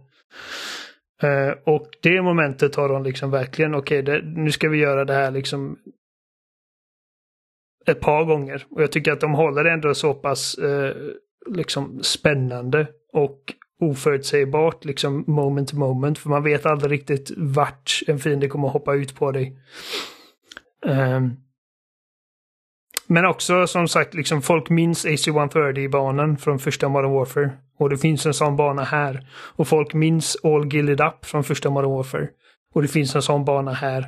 Eh, I ännu... Det är, väl lite problem, alltså det är väl lite problemet känner jag med spelet. Det är liksom så att ja men vi gillar de här banorna i tidigare spelen så vi gör dem igen och det blir så att det här har vi faktiskt redan gjort också så det blir inte det. Alltså jag tycker att kampanjen hittills, som sagt jag har väl kommit typ hälften, eh, det saknar umf. Det, liksom, det har inte den nerven som typ Modern Warfare 1 och 2 originalen hade. Nej, och jag, som sagt jag tror aldrig vi kommer komma till den punkten liksom när man verkligen blev så här, typ som när, när atombomben sprängs i första Modern Warfare. Man bara oh my god. Ja, eller när man blir avrättad i tvåan. Min karaktär dog. Um... Ja, eller, liksom bara, eller, eller ta det bara hur Modern Warfare började. Liksom det var det att du blir liksom släpad in i en bil. Mm. Eh, liksom, det är så att det alltså visst, så, såklart, det var liksom, mediet var i en annan position då för att de gjorde massa saker som vi liksom egentligen inte hade sett förut och nu har vi liksom det har, det har man ju märkt inom, ja och det märker man genom typ alla AAA-produktioner att det är liksom så att vi spelar typ samma saker hela tiden. Det är liksom Assassin's Creed 88 som liksom kommer. och det är liksom vad vi har spelat Assassin's Creed förut eller liksom Call of Duty som en stor serie eller något sånt.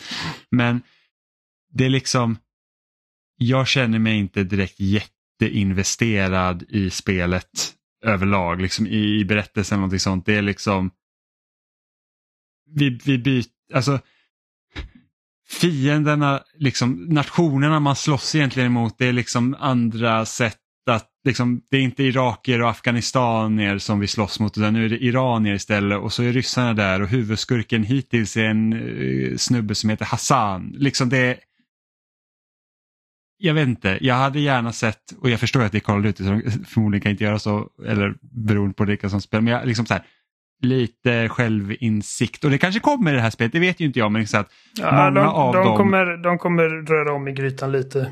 Precis, det, det, det, tror jag också liksom, för att, för att redan den här jävla superhuvudgeneralen är liksom, han bara osar skurkaura. Liksom. Ja, det eh. hjälper inte att man vet att Shepard i för, föregående spelet är den som avrättar den liksom. ja, nej, nej men precis. Och, men det är liksom så här att anledningen till att världen ser ut som det gör är till stor del också på grund av att USA går in och fifflar i bakgrunden och liksom säger sig stå för, för frihet och sen så gör de typ tvärtom. Eh, och det är liksom så här att, ja jag förstår ju liksom att, att det är svårt att göra det kanske i ett Call of Duty-spel eh, med tanke på liksom målgrupp och sånt. Men också så här att eh, även liksom karaktärerna man spelar som är liksom lite, de har verkligen den här dude bro, jag är militär-auran som jag är bara så här, ja, inte riktigt vad jag letar efter längre. Eller jag vet inte om jag någonsin har letat efter det men jag har svårare att smälta det nu om man säger så.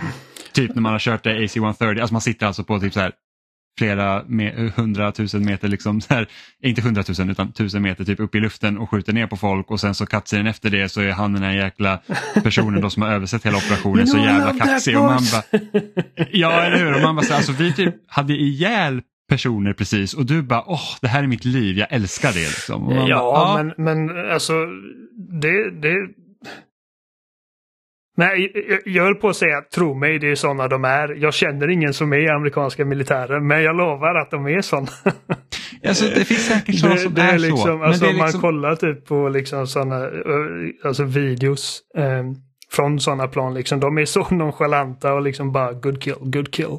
Jo, jag vet, typ... och det är kanske så här att det kanske man behöver vara, men det är också så här att spelet försöker inte förmedla det här till mig som att jag ska liksom bli så här, åh, jag är horrified över vad vi precis gjorde, utan det är, jag ska också vara, mm, det här är det bästa som finns, du vet. Visst, och det är ett spel och det är liksom underhållning, men jag är så här att, ja, jag tror inte riktigt att jag, jag vill inte riktigt spela sånt längre. Jag liksom tror att den största jag... grejen som har förändrats, förutom då att okej, okay, vi har sett de här grejerna, på, bara på ett rent spelmässigt plan så har vi sett de här, vi har gjort de här grejerna, vi har suttit i de här planen, vi har eh, breachat de här rummen och vi har eh, snipat de här snubbarna.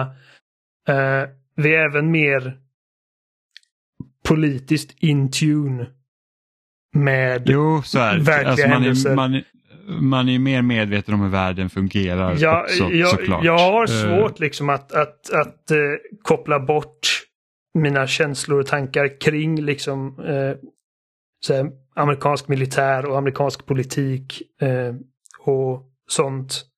Um, det, liksom, det, det, är liksom i bakhuvudet. Men jag kommer ihåg när väldigt tidigt, jag tror det är typ uppdrag 3 eller någonting, så får man klart för sig liksom att Eh, den här terroristen Hassan som man jagar. Han är i, i säng med eh, mexikanska kartellen. Och jag tänkte... Ja, precis, just det. Eh, exakt. Vi, vi, vi, vi till och med hoppar över muren och skjuter lite mexikanare också. Det, ja. Uh... Ja, alltså nu får det låta värre än vad det är. Uh, alltså, alltså, ja, eller så är det så illa som det är egentligen. I det uppdraget så är man mexikanska Special Forces. Uh, jo, jo, men vi skjuter fortfarande. Och, med, alltså... Uh, och man skjuter kartellmedlemmar liksom. Inte, och dessutom inte på mexikansk mark utan amerikansk mark som har hoppat över. På, man är på båda sidor. Man börjar på eh, mexikanska ja. och, eh, och, hoppar över för att uh, den här terroristen lyckas ta sig över. Och jag tyckte att dels så var jag liksom glad och upptäckte liksom att de här två karaktärerna, mexikanska karaktärerna som man får följa, att de liksom inte pratar, du vet sånt där Hollywood, liksom hey, SA, utan de faktiskt pratar spanska med varandra. Eh, och de känns aldrig som liksom mexikanska karikatyrer liksom på, på åsnor. nej, nej, nej. Sombreros, abs abs liksom. absolut. Uh, absolut, liksom ett steg framåt. Liksom. Men, men det är, alltså, jag tycker ändå så här, inramningen på vad fienderna är någonstans är liksom jag tyckte det, det var det, intressant ja. att liksom för att när man, man är då liksom två mexikanska agenter som hoppar över muren och tvingas liksom jaga den här terroristen genom amerikanska bostadsområden. Och man vet ju liksom amerikaner, de har ju liksom sina vapen, eh, de är strapped som fan. och man tvingas liksom deeskalera civila som kommer ut och undrar vad fan gör du i min trädgård, bla bla. Och... Eh, ja, jag vet, och, och där är en till grej. Man deeskalerar genom att sikta vapen på ja, dem. Ja, man siktar vapnet på dem. Ja, och, det har ju verkligen eh, visat sig vara det mest effektiva sättet att göra det på. Jag har märkt, alltså första gången jag spelade, för jag håller på att spela på Veteran nu. Första gången jag spelade så eh, misslyckades jag med att deeskalera en och han slängde sig över sin shotgun och jag sköt honom. Och eh, eh, den här mexikanen, eh, Alejandro som han heter, eh, han kallar in liksom bara shit, we need, we have a civilian casualty, bla bla, need a, need a, someone to, bla bla bla, fixa detta. Och så gjorde de inte mer, så sprang man vidare. Andra gången så lyckades jag deeskalera och dödade ingen. Så jag trodde liksom att det var en skriptad event liksom. Jag, mm. att jag, jag, jag hade blivit tvungen oavsett att döda den här personen. Um, men ja, och, och, och det, alltså man vet ju också liksom att de är på Infinity Ward i sina liksom pressmeddelanden och grejer så bara det här är inte ett politiskt spel. Men jag känner verkligen alltså starkt, jag tror att de flesta kan hålla med om att man kan inte göra ett sånt här spel utan att säga någonting. Um... Alltså även när du inte försöker säga något så säger, alltså, säger du någonting. Jag hade den här diskussionen i, eh, jag läste ju engelska på universitetet. Och då gick vi så här igenom så att, ja men vad, vad är en text och bla bla och då hade jag en i gruppen som sa att ja, men spel kan inte analyseras för att det är bara spel typ. Mm. Och jag var så här, nej det stämmer inte. För titta typ på alla krigsspel som jag har, vilka är fienderna i krigsspelen? Vad säger det? Liksom, typ om man tittar på hela det här kriget mot terrorn liksom, som har påverkat hela 2000-talet, alltså både alltså 00 och 10-talet. Liksom det, det, är ingen slump att vi bytte ut från att typ skjuta nazister och ryssar till att liksom skjuta folk från Mellanöstern. Det är, det, det är en direkt korrelation. Ja, ja, till liksom vart liksom... konflikterna i världen var. Så att liksom det, det spelar jättestor roll. Så att det är liksom att så om vi tittar på det här spelet till exempel att det är så att ja, men, skurken är Hassan, det är iranier, eller så här, Iran är liksom en nation som liksom man ligger eh, i luven med. Och liksom så här, tittar man på världsläget också vart Iran ligger just nu så är det också att ja, okej, okay, visst. Eh, och sen så hoppar vi över muren och är lite med kartellen. Och sen så har kartellen inkräktat på Texas och det är dåligt. Liksom, det, det ligger väldigt mycket i hur det liksom, politiska samtalet går och har gått. Eh, så att man kan liksom inte sära på det hur mycket de vill att det inte är politiskt alls för att de som sitter och utvecklar spelet sitter ju också med åsikter som förmodligen också kommer lysa igenom. spelen eh, har ju åsikter och de som skriver spelen har liksom eh, de har historia i bakhuvudet och även liksom aktuella händelser i bakhuvudet. Ja, eh, men det var väl som när Bethesda gick ut och sa att Wolfenstein 2 inte är ett politiskt spel och man bara vi skjuter nazister. Vi, vi slåss liksom för vår egen frihet i liksom det här spelet för att vi är ockuperade. Ja. Alltså, ja. jag förstår liksom att när man säger att det inte är ett politiskt spel, att det är liksom, de vill bara liksom undvika inflammatorisk diskurs liksom, kring deras spel. Uh, och uh, det finns olika grader av politiskt spel också, såklart. Uh, alltså... Men sen är det ju så också att även om man säger att vi tar inte ställning eller vi tar inte sida så blir det ju många lägen att just den grejen är avgörande i att det automatiskt väljs en sida. Ja, men alltså säg att även om de inte tar ställning, och det är där man kommer in då när man liksom läser egentligen medietexter, det är så att okej, okay, men ni tar inte ställning. Men vad säger det ni har gjort då?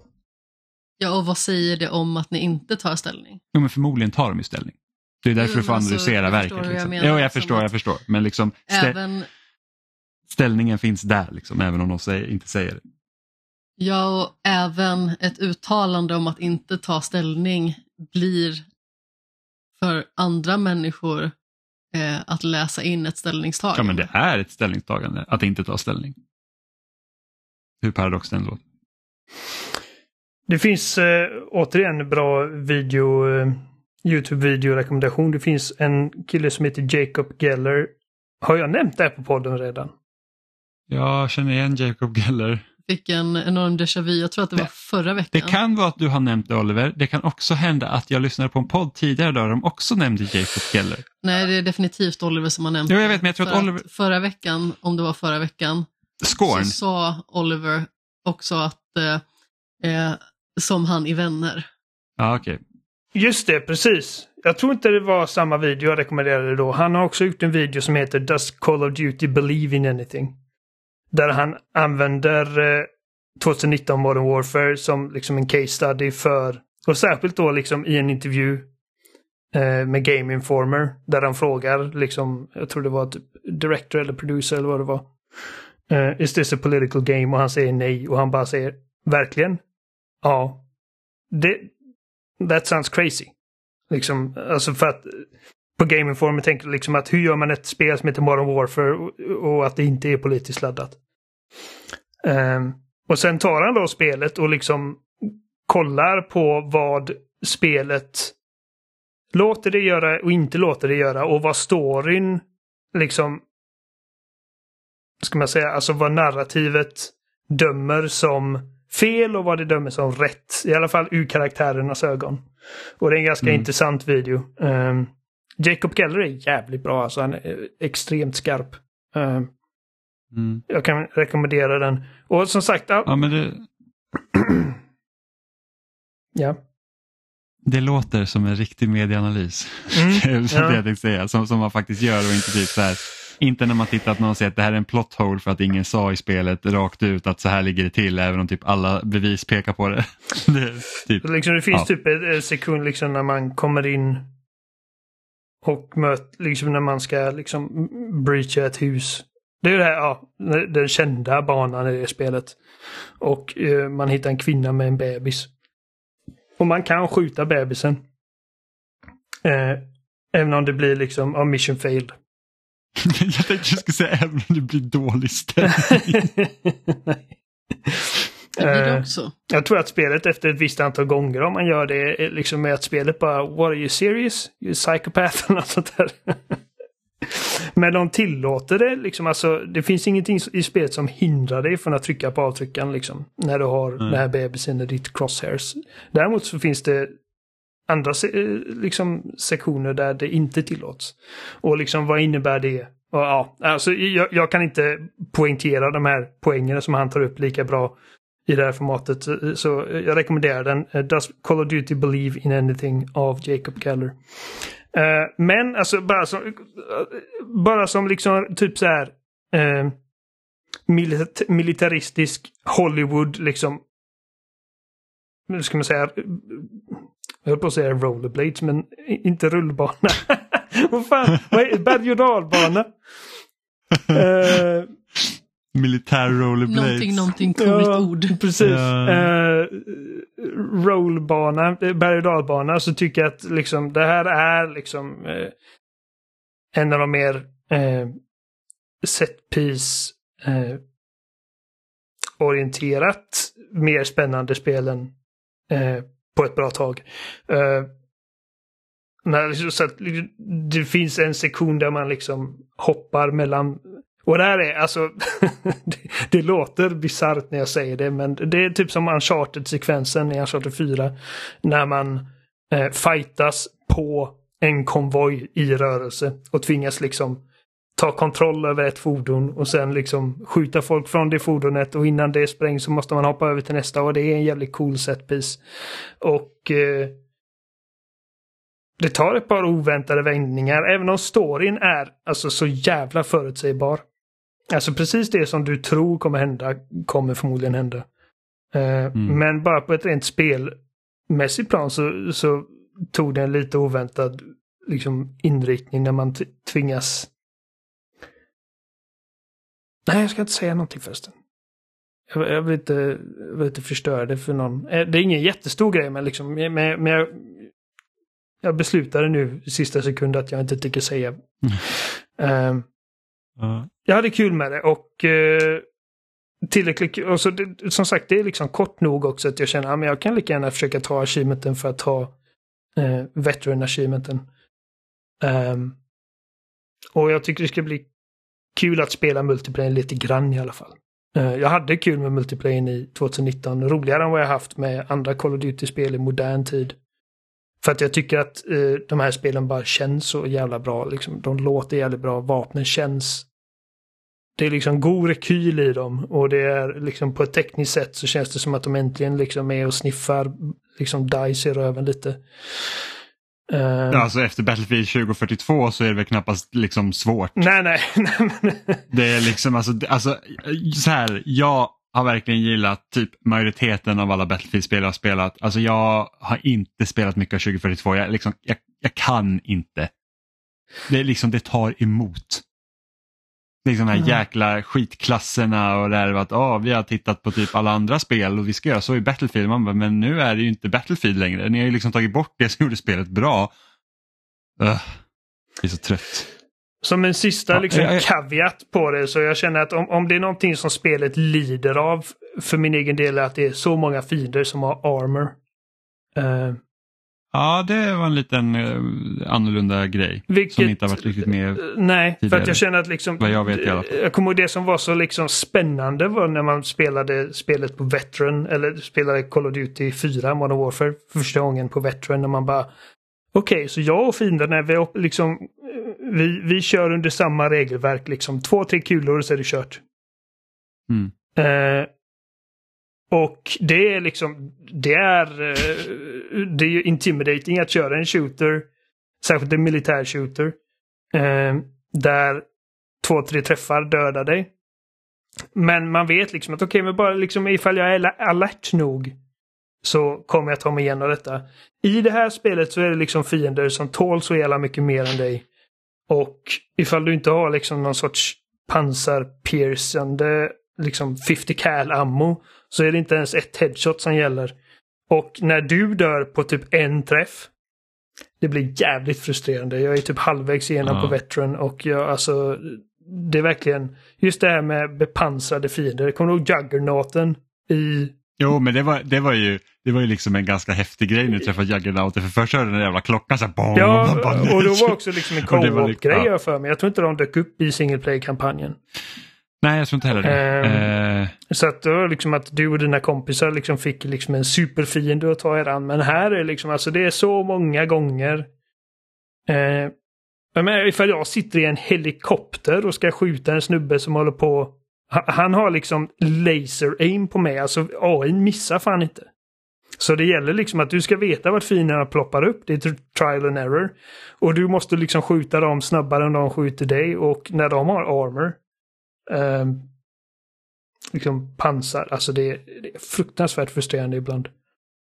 Ehm, mm. Det var lite som när jag och Gustav körde Spec Ops-uppdragen i Modern Warfare 3. Och det fanns en bana där man, liksom, man var fast på liksom ett, ett bilflak och skulle liksom åka igenom ja, men en jävla bakgata i Paris eller vad det nu var. Eh, och det folk bara skjuter på det hela tiden och det var liksom bara tur. Du har liksom din jäkla eh, grenade launcher och det är bara så att ja, men vi får skjuta här, här, här och liksom, vi får bara hoppas att det inte är någon jävel som råkar få in för många träffar så att någon av oss dör. Mm. Sjukt frustrerande. Så att, uh, Ja, nej men ifall du, ifall du som Jimmy känner att men Call of Duty är inte för mig så kommer förmodligen, eller nästan garanterat, det här spelet inte göra dig till en Call of Duty-frälst igen. Om du som jag är liksom att ah, men jag, tycker, jag tycker de här kampanjerna är liksom spelvärda, jag har roligt med dem, så tror jag att du kommer bli nöjd med detta. Alltså jag spelar enbart för att det är Modern Warfare 2. Ja. Det är liksom det, det namnet det lever på för att jag tycker fortfarande 1 och 2, liksom 2007 och 2009, de, de, alltså de kampanjer är verkligen som, usch, det är liksom wow. Eh, och, och, det här, alltså jag tyckte 2019 var bra men det var liksom också så här, ah, och det här är liksom, ah, det, ja. Men det roligaste är att jag har inte köpt spelet. Det är det sjukaste. Ja, jag fattar inte hur det fungerar.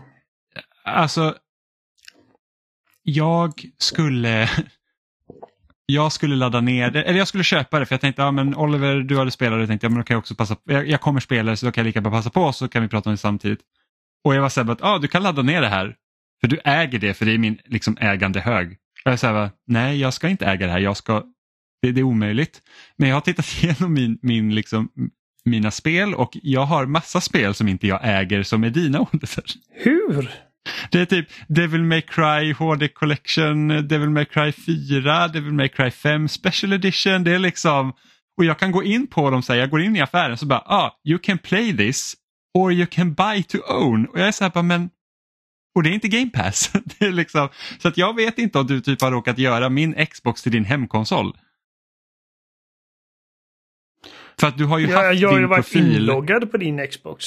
Du, precis, men och när räcker. man loggar in Nej, men när man loggar in på en konsol första gången och den inte är satt som en hemkonsol, då får man liksom frågan att vill du ha det här som din hemkonsol? Så frågan är Oliver om du kan spela dina spel offline på din maskin. Det hoppas jag. Jag får, att, eh, jag får ta en titt det, efter att du har klarat spelet. Att, ja, men alltså jag hade förmodligen, alltså, men det är liksom så här att det, det är lite weird för att jag har ju inte en hemkonsol, alltså min Xbox är inte min hemkonsol för att min Robins Xbox är min hemkonsol. För att mm. vi delar spel. Eh, och jag, så det gör att min, min Xbox är utan en herre. Så ja, det, det, det är lite speciellt. Den herrelösa Xboxen. Ja, men verkligen faktiskt. Jag får kolla upp det. Eh, men in, innan vi rundar av så fick vi äntligen eh, se att Silent Hill 2 Remake existerar och är, kommer bli utvecklat av Bluebird Team som är känd för Layers of Fear och The Medium. Och Blair Witch och lite andra grejer. Ja, men Blair Witch var, ett, Blair Witch var fruktansvärt dåligt. Alltså? Gud ja, inte aldrig... alls ett bra spel. Jag, har inte spelat. jag är inte alls nöjd. Jag känner mig väldigt orolig över att Bluebird Team sitter och gör Silent Hill 2 Remake. Ett av de bästa skräckspelen någonsin.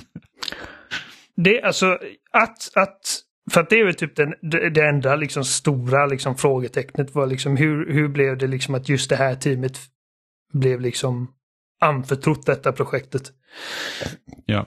Annars så känner jag att det makes liksom perfect sense för Silent Hill 2 att remakas i en tid då varenda spel får en remake. Uh, ja, och, absolut. Alltså, och liksom ja. prestera bra också. Alltså det är liksom att de, de säljer Folk skriker efter remakes. Det första som hände när eh, Resident Evil 2, jag tror att Resident Evil 2 är, är nog spelet vi har att tacka för, för liksom många av de här remakesen som kommer ut. Uh, för att det kom och det, det är väldigt framgångsrikt spel. Um, det första som hände när folk fick, äntligen fick spela Resident Evil 2-remaken var när får vi Resident Evil 3-remaken? Och sen var det när får vi Resident Evil 4-remaken? Uh, och EA När har liksom... När får vi Resident Evil 1-remaken? Resident Evil 6-remaken. Nej, för helvete. Oliver, då är, då är partyt slut. Uh, då, då ja, men alltså, ettan har ju en remake, men ifall de hade gjort en remake av ettan i liksom det här liksom typ mer moderna stuket, jag hade köpt det också. Ja, uh, gud ja. Alltså ettan är så bra. Ja. Uh, även om jag tycker att den remaken som finns också är jävligt bra. Men... Eh, ja, gud ja. Och EA har givetvis snappat upp detta och uh, håller på med Dead Space Remake för att det är liksom easy money. Um, ja, lägger ner originalutvecklarna och sen cashar man in på varumärket. Ja. Um, och så att ja, perfect sense att, att Konami liksom istället för att, för att göra alla de här liksom Silent Hill uh, uppföljarna som liksom ingen egentligen jag ska inte säga att ingen spelar dem, men, men uh, liksom efter PS2-tiden så har de inte haft någon riktig kioskvältare liksom. Uh, och Resident Evil, eller så Silent Hill 2 är ju alltså, som du sa ett av de bästa skräckspelen. Jag skulle till och med gå så långt som att säga att det är liksom eh, liksom vida känt eller liksom etablerat, accepterat som ett av de bästa spelen som har gjorts. Jag kommer liksom Ja, det, inte, det, det, känns väl något gammalt att spela idag. Idag, men, ja precis. Men liksom för när alltså, det kom och jag liksom eh, alla de här liksom topplistorna som man läste typ i Superplay och Level och de här liksom hundra bästa spelen genom alla tider. Silent Hill var aldrig särskilt långt ifrån topp 10 liksom. Uh, jag tror till och med något Superplay-nummer att det liksom var topp 3 eller så. Liksom, alltså, det, det är enormt uppskattat det spelet och med, med all rätta liksom för, för vad det gjorde uh, för sin tid. Idag, det hade något att säga. Det hade absolut något att säga och det... Alltså det, är någonting så spännande som ett skräckspel som är skitläskigt utan att ha en enda jumpscare. De gör det motsatta, att de liksom utannonserar alla scares långt innan de händer genom att din radio börjar liksom fräsa. Eh, så fort en fiende är inom liksom, vad är typ 20 meter av dig. Vilket gör att så fort du mm. hör det här ljudet och du ser inte mer än fem meter framför dig för att det är den här dimman. Men du hör, okej okay, det är någonting i närheten, jag vet inte vart ifrån det kommer och man är direkt liksom skitnödig. Och det är ett jävligt smart och unikt sätt att hantera liksom eh, encounters på i ett skräckspel. Där man liksom historiskt och även liksom fortfarande än idag föredrar liksom att bara slänga hemska grejer på skärmen med jump scares. Mm. Uh, och det är ju lite risken att det kanske liksom går åt det hållet med remaken. Känner jag. Alltså det är liksom... Man vet, alltså, man vet inte. Alltså det, väl, det finns väl en del jumpscares och sånt i Bluebers tidigare spel. Uh, det, det, det, alltså det är väl det jag hoppas att, för att jag tycker att liksom den typ uh, trailer vi fick se, det visar inte liksom särskilt mycket om själva spelet i sig, men på ett estetiskt plan tycker jag att det känns som att de är och ja, nosar rätt liksom. Uh, för att det är också en sån liksom uh, grej som alltid kommer upp när man remakar någonting. Liksom att även om det är liksom typ hundra gånger snyggare på ett tekniskt plan så kan det vara massa av älskade aspekter som kan gå förlorat in translation. Liksom. Eh, om mm. det så är färgschema eller liksom hur tät dimman är eller... Ja, det var ju det som var lite med HD Collectionen som kom. Eh, var ju det att det, de hade väl typ tappat bort originalkoden ja. för de spelen. Den existerar inte skriva om, så att det, nej, så att det var ju det var problematiskt att få de spelen att liksom hamna i en collection. Och jag har ju inte spelat originalet, jag har ju bara spelat från HD Collection. Jag tycker fortfarande liksom att det spelet är helt fantastiskt. Mm. Uh, ja, absolut. Uh. Och alltså, jag tror att om det är någonting, alltså de grejer som jag känner borde hållas heligt för att mm. När det kommer till Resident Evil 4-remaken, liksom en remake av typ ett av mina absoluta favoritspel genom alla tider. Ett spel som jag, även om det är liksom 18 år gammalt i år, så tycker jag fortfarande att det är precis lika spelbart.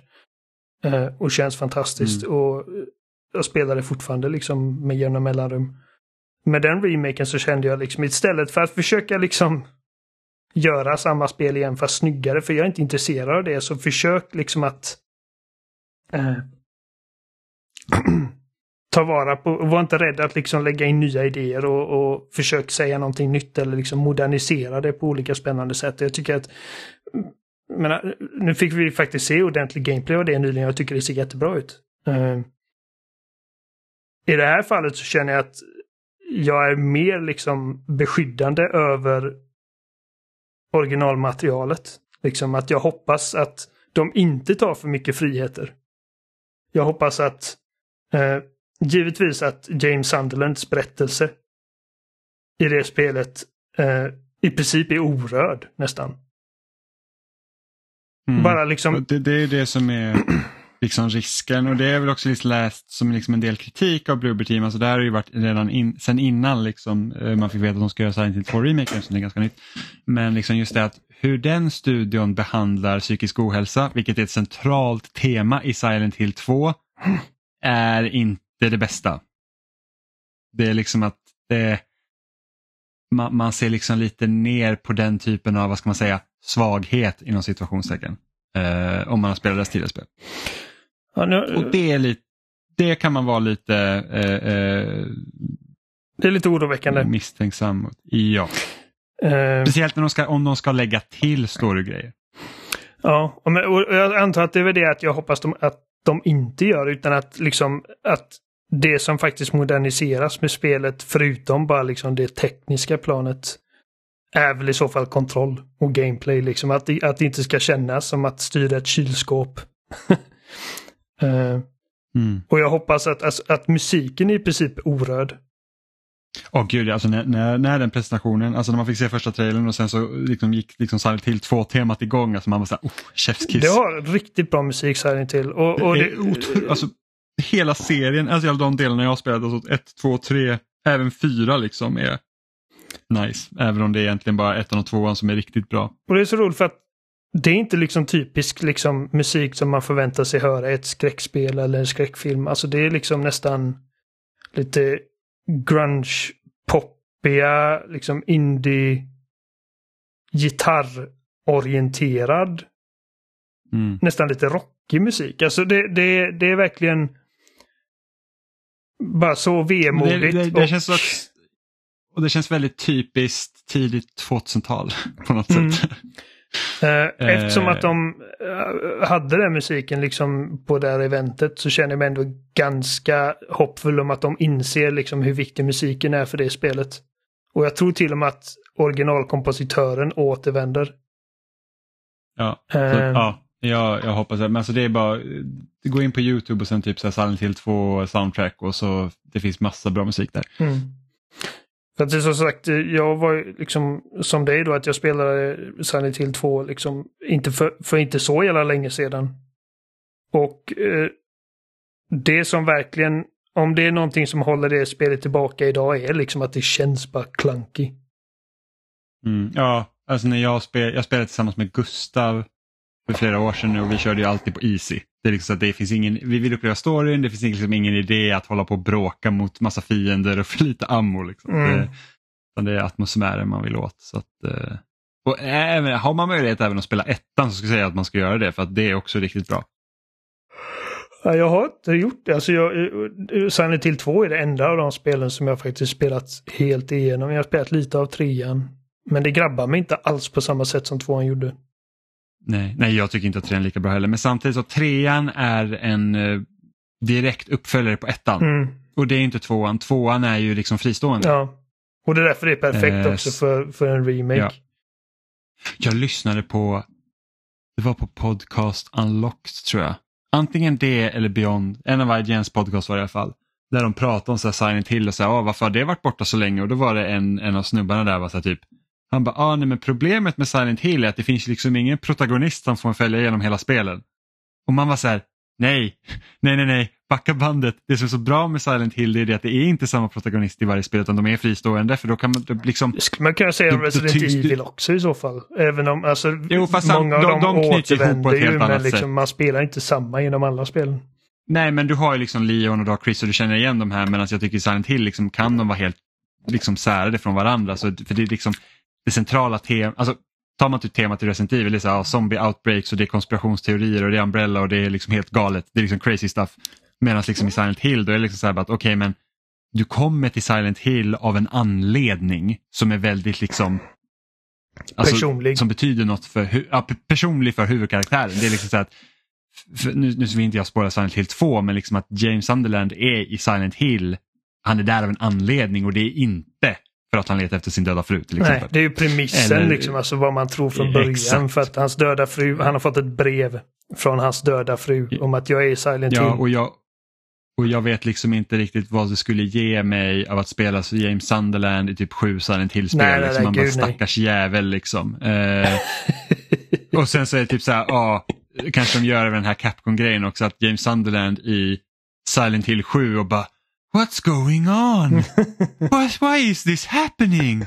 Are they sick? typ som fucking Ethan i Resident Evil 8. Man bara, du var med hela sjuan. Du vet vad som händer. ja, nej det där det är bullshit. Det är alltså, det, han ja. kanske tycker det och att det kanske är hans anledning till att han inte har följt. För att det, Ja, men då kan han spela något för annat det spel. Det kanske finns massor av folk som bara, men jag, jag, jag gillar när mina uppföljare liksom är uppföljare. Uh, det är samma människor som älskade Hans Solo-filmen för att de fick veta varför han heter Hans Solo, vart hans pistol kom ifrån och vart hans jäkla skepp mm. liksom fick sin typ ena mutter ifrån. Det är liksom... Och det är de sämsta grejerna att få veta för det betyder verkligen ingenting. Ja, eller typ de som, de, de som tyckte att Rise of Skywalker var kanon för att det liksom Chewie fick en medalj. Reddit-post bara, ja, ja, precis. Nej, jag, jag önskar ja, faktiskt ja, att jag nu ska bara inte, kunde... Jag ska inte vara så bitter och, och man får gilla vad man gillar ja, helt enkelt, även om man gillar fel. Uh, nej men jag, jag, alltså James Sandland, jag vill aldrig se James Sandland utanför Silent Hill 2 igen. Alltså det, det, hans berättelse är perfekt som den är. Ja, uh, men ta en även liksom en fiende som uh, Pyramid Head. Liksom.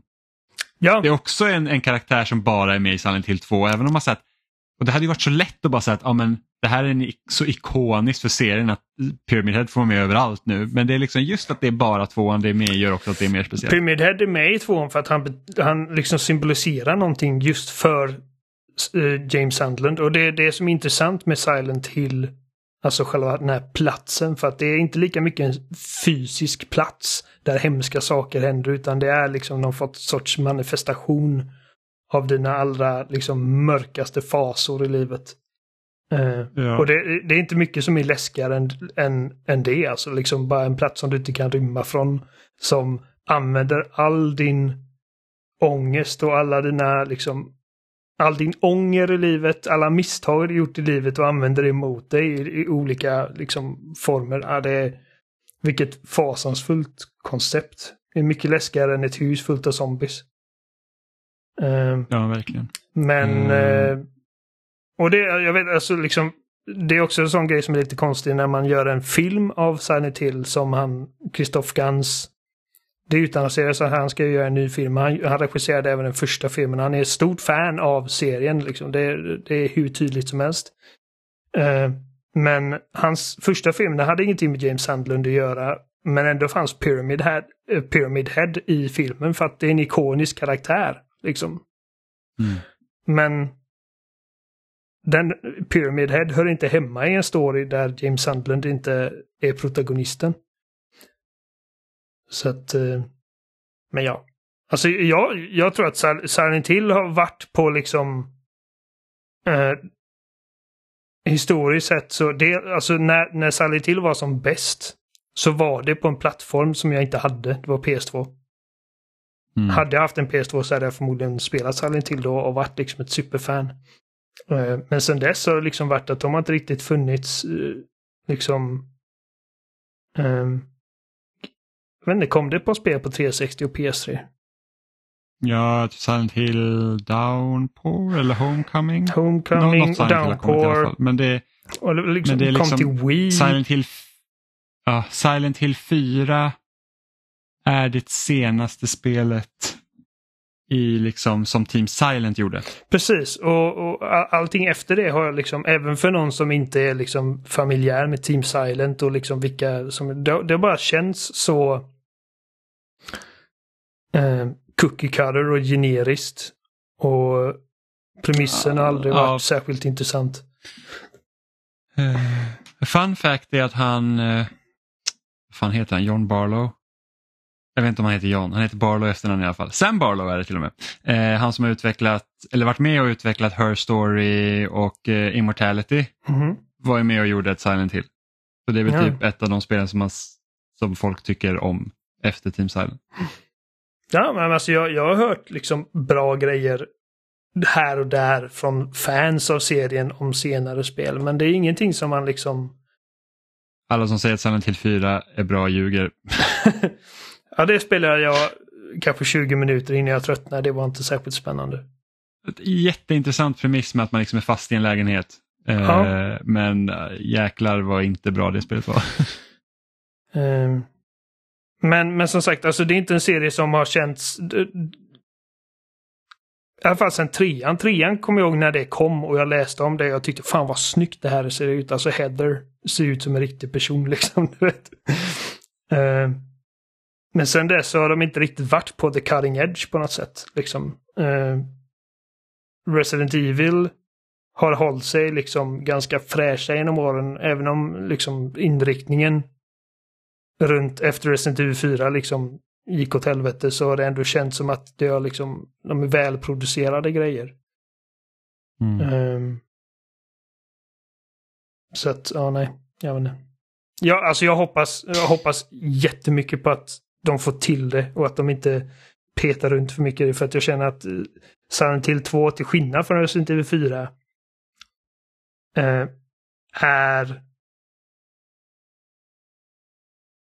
det är det omvända liksom. Där jag känner att Resident Evil 4 på ett gameplaymässigt eh, perspektiv är nästan perfekt. Medan storyn kan de göra vad fan de vill och jag bryr mig verkligen inte om storyn Resident Evil 4.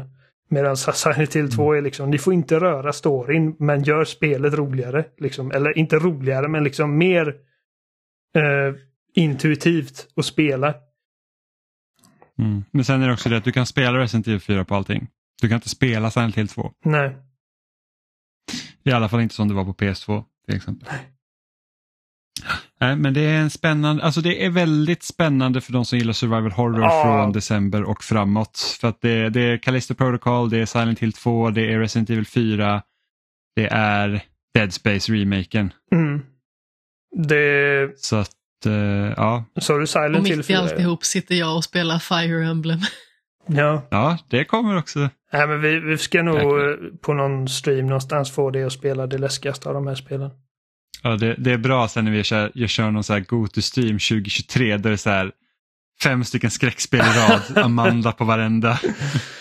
Jag tror att survival horror är en av mina, liksom, alltså en av mina comfort food-genrer. Alltså jag älskar den genren. Och det är efter att liksom i några år så var det typ det enda som var något att ha i den genren var liksom de här typ spring och göm dig och ingenting annat. Som Amnesia och Outlast. Och nu har vi liksom fått någon sorts resurgence i den här genren. Den säljer bättre, utvecklarna och framförallt utgivarna förstår eh, liksom hur man hanterar genren. Att det behöver inte vara liksom att det ska säljas som Modern Warfare. Eh, och... Men värt att poängtera också att det är remakes. Det är remakes. Det är väl det. Och... Det, är så att det, liksom, det, är, det är lite så här att ja, vi lever på varumärket snarare än att vi faktiskt gör ett nytt. Alltså, Callisto Protocol är ett undantag då. Men, Absolut, men jag känner också att alltså, det... just att, att även om det är remakes så möjliggör det andra grejer. Som liksom, vi har fått två helt nya uh, mainline Resident Evil-spel som faktiskt är bra Resident Evil-spel. Uh, vi, vi har en uppföljare på Alan Wake på horisonten. Och, Just det, Alan Wake hade jag glömt som, bort. Och då, då har de sagt liksom att det är liksom ett survival horror-spel. Snarare än ett actionspel. Och eh, Callisto Protocol är liksom visserligen så visst det har ju sina rötter i ett e- etablerat varumärke men det är ett nytt varumärke och eh, så att liksom och jag menar jag gillar de remakesen som, som eh, jag tycker Resident Evil 2 var jättebra och jag eh, trean till mindre grad med, men liksom det så länge spelen känns som någorlunda nya spel. Eh, till skillnad från typ The Last of Us Part 1 som inte alls kändes som ett nytt spel. Liksom, det, det, är verkligen one to one. Det kändes liksom, det var som att spela exakt samma spel. Uh, ja, uh, nu tycker jag att folk kan börja typ köpa lite så här, typ Prey, Dishonored, Ja, Varför ja, inte slänga det... pengar på Bioshock så vi kan få lite mer sådana här immersive sims som är min favoritgenre. Ja, jo men Ex. Det får, ja. det får se, det är också det är också en jävligt bra genre. Mm. Eh, för de som har Game Pass så kan de spela Weird West som är typ ett immersive sim fast man ser eh, ovanifrån, typ. Snett uppifrån. Isometrisk vy va? Ja. Man kan börja där. Eh, ja, men det var allt vi hade för den här veckan. Det blev ett matigt avsnitt. Eh... Det ska tilläggas att vi även har spelat Mario plus Rabbids Sparks of Hope, men inte lika mycket som det andra. Vi återkommer ju mer om det nästa vecka. Ba, ja, jag tänkte att nu eh, kommer Amanda börja köra en 20 minuters lång harang om Mario Rabbids och varför nej, Rabbid Peach är bäst. Ba, äh, Rabbid Peach är faktiskt bäst. Alltså det är så jäkla, alltså, okej, okay, jag ska inte vara långrandig nu men så här är det, när man dödar en fiende som Rabbid Peach, hon typ, alltså hon, hon är, man skulle kunna kalla henne så en tokig så influencer-kanin typ i Rabbit-format. Och det, alltså, hon, hon lägger de roligaste kommentarerna, det är så jäkla kul. Eh, men det blir mer om det nästa Bara ja, ja, ja och eh, nej svar Amanda. Jag vet att du har längtat efter det som fan. Är det, är det, är det skönt att äntligen få spela Sparks of Hope?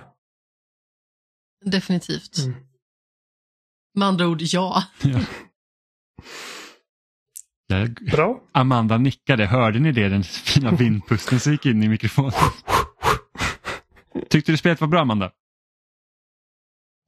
Ja, det hör ni. Eh, men ni hittar oss som på spelsnack.com och där finns också länkar till alla ställen vi finns som Instagram, Facebook och eh, Youtube.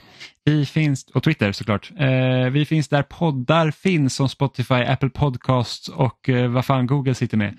Eh, RSS-flöden, vi finns också på loading.se. Ni kan mejla till oss på kontaktetspesnet.com eller skriva i några kommentarsfält var vi nu finns så, så kan vi säkert snappa upp någonting och eh, eh, ja, prata om det ni vill att vi ska prata om.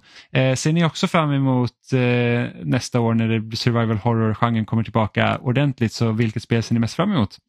Eh, så hörs vi igen nästa onsdag. Hej då.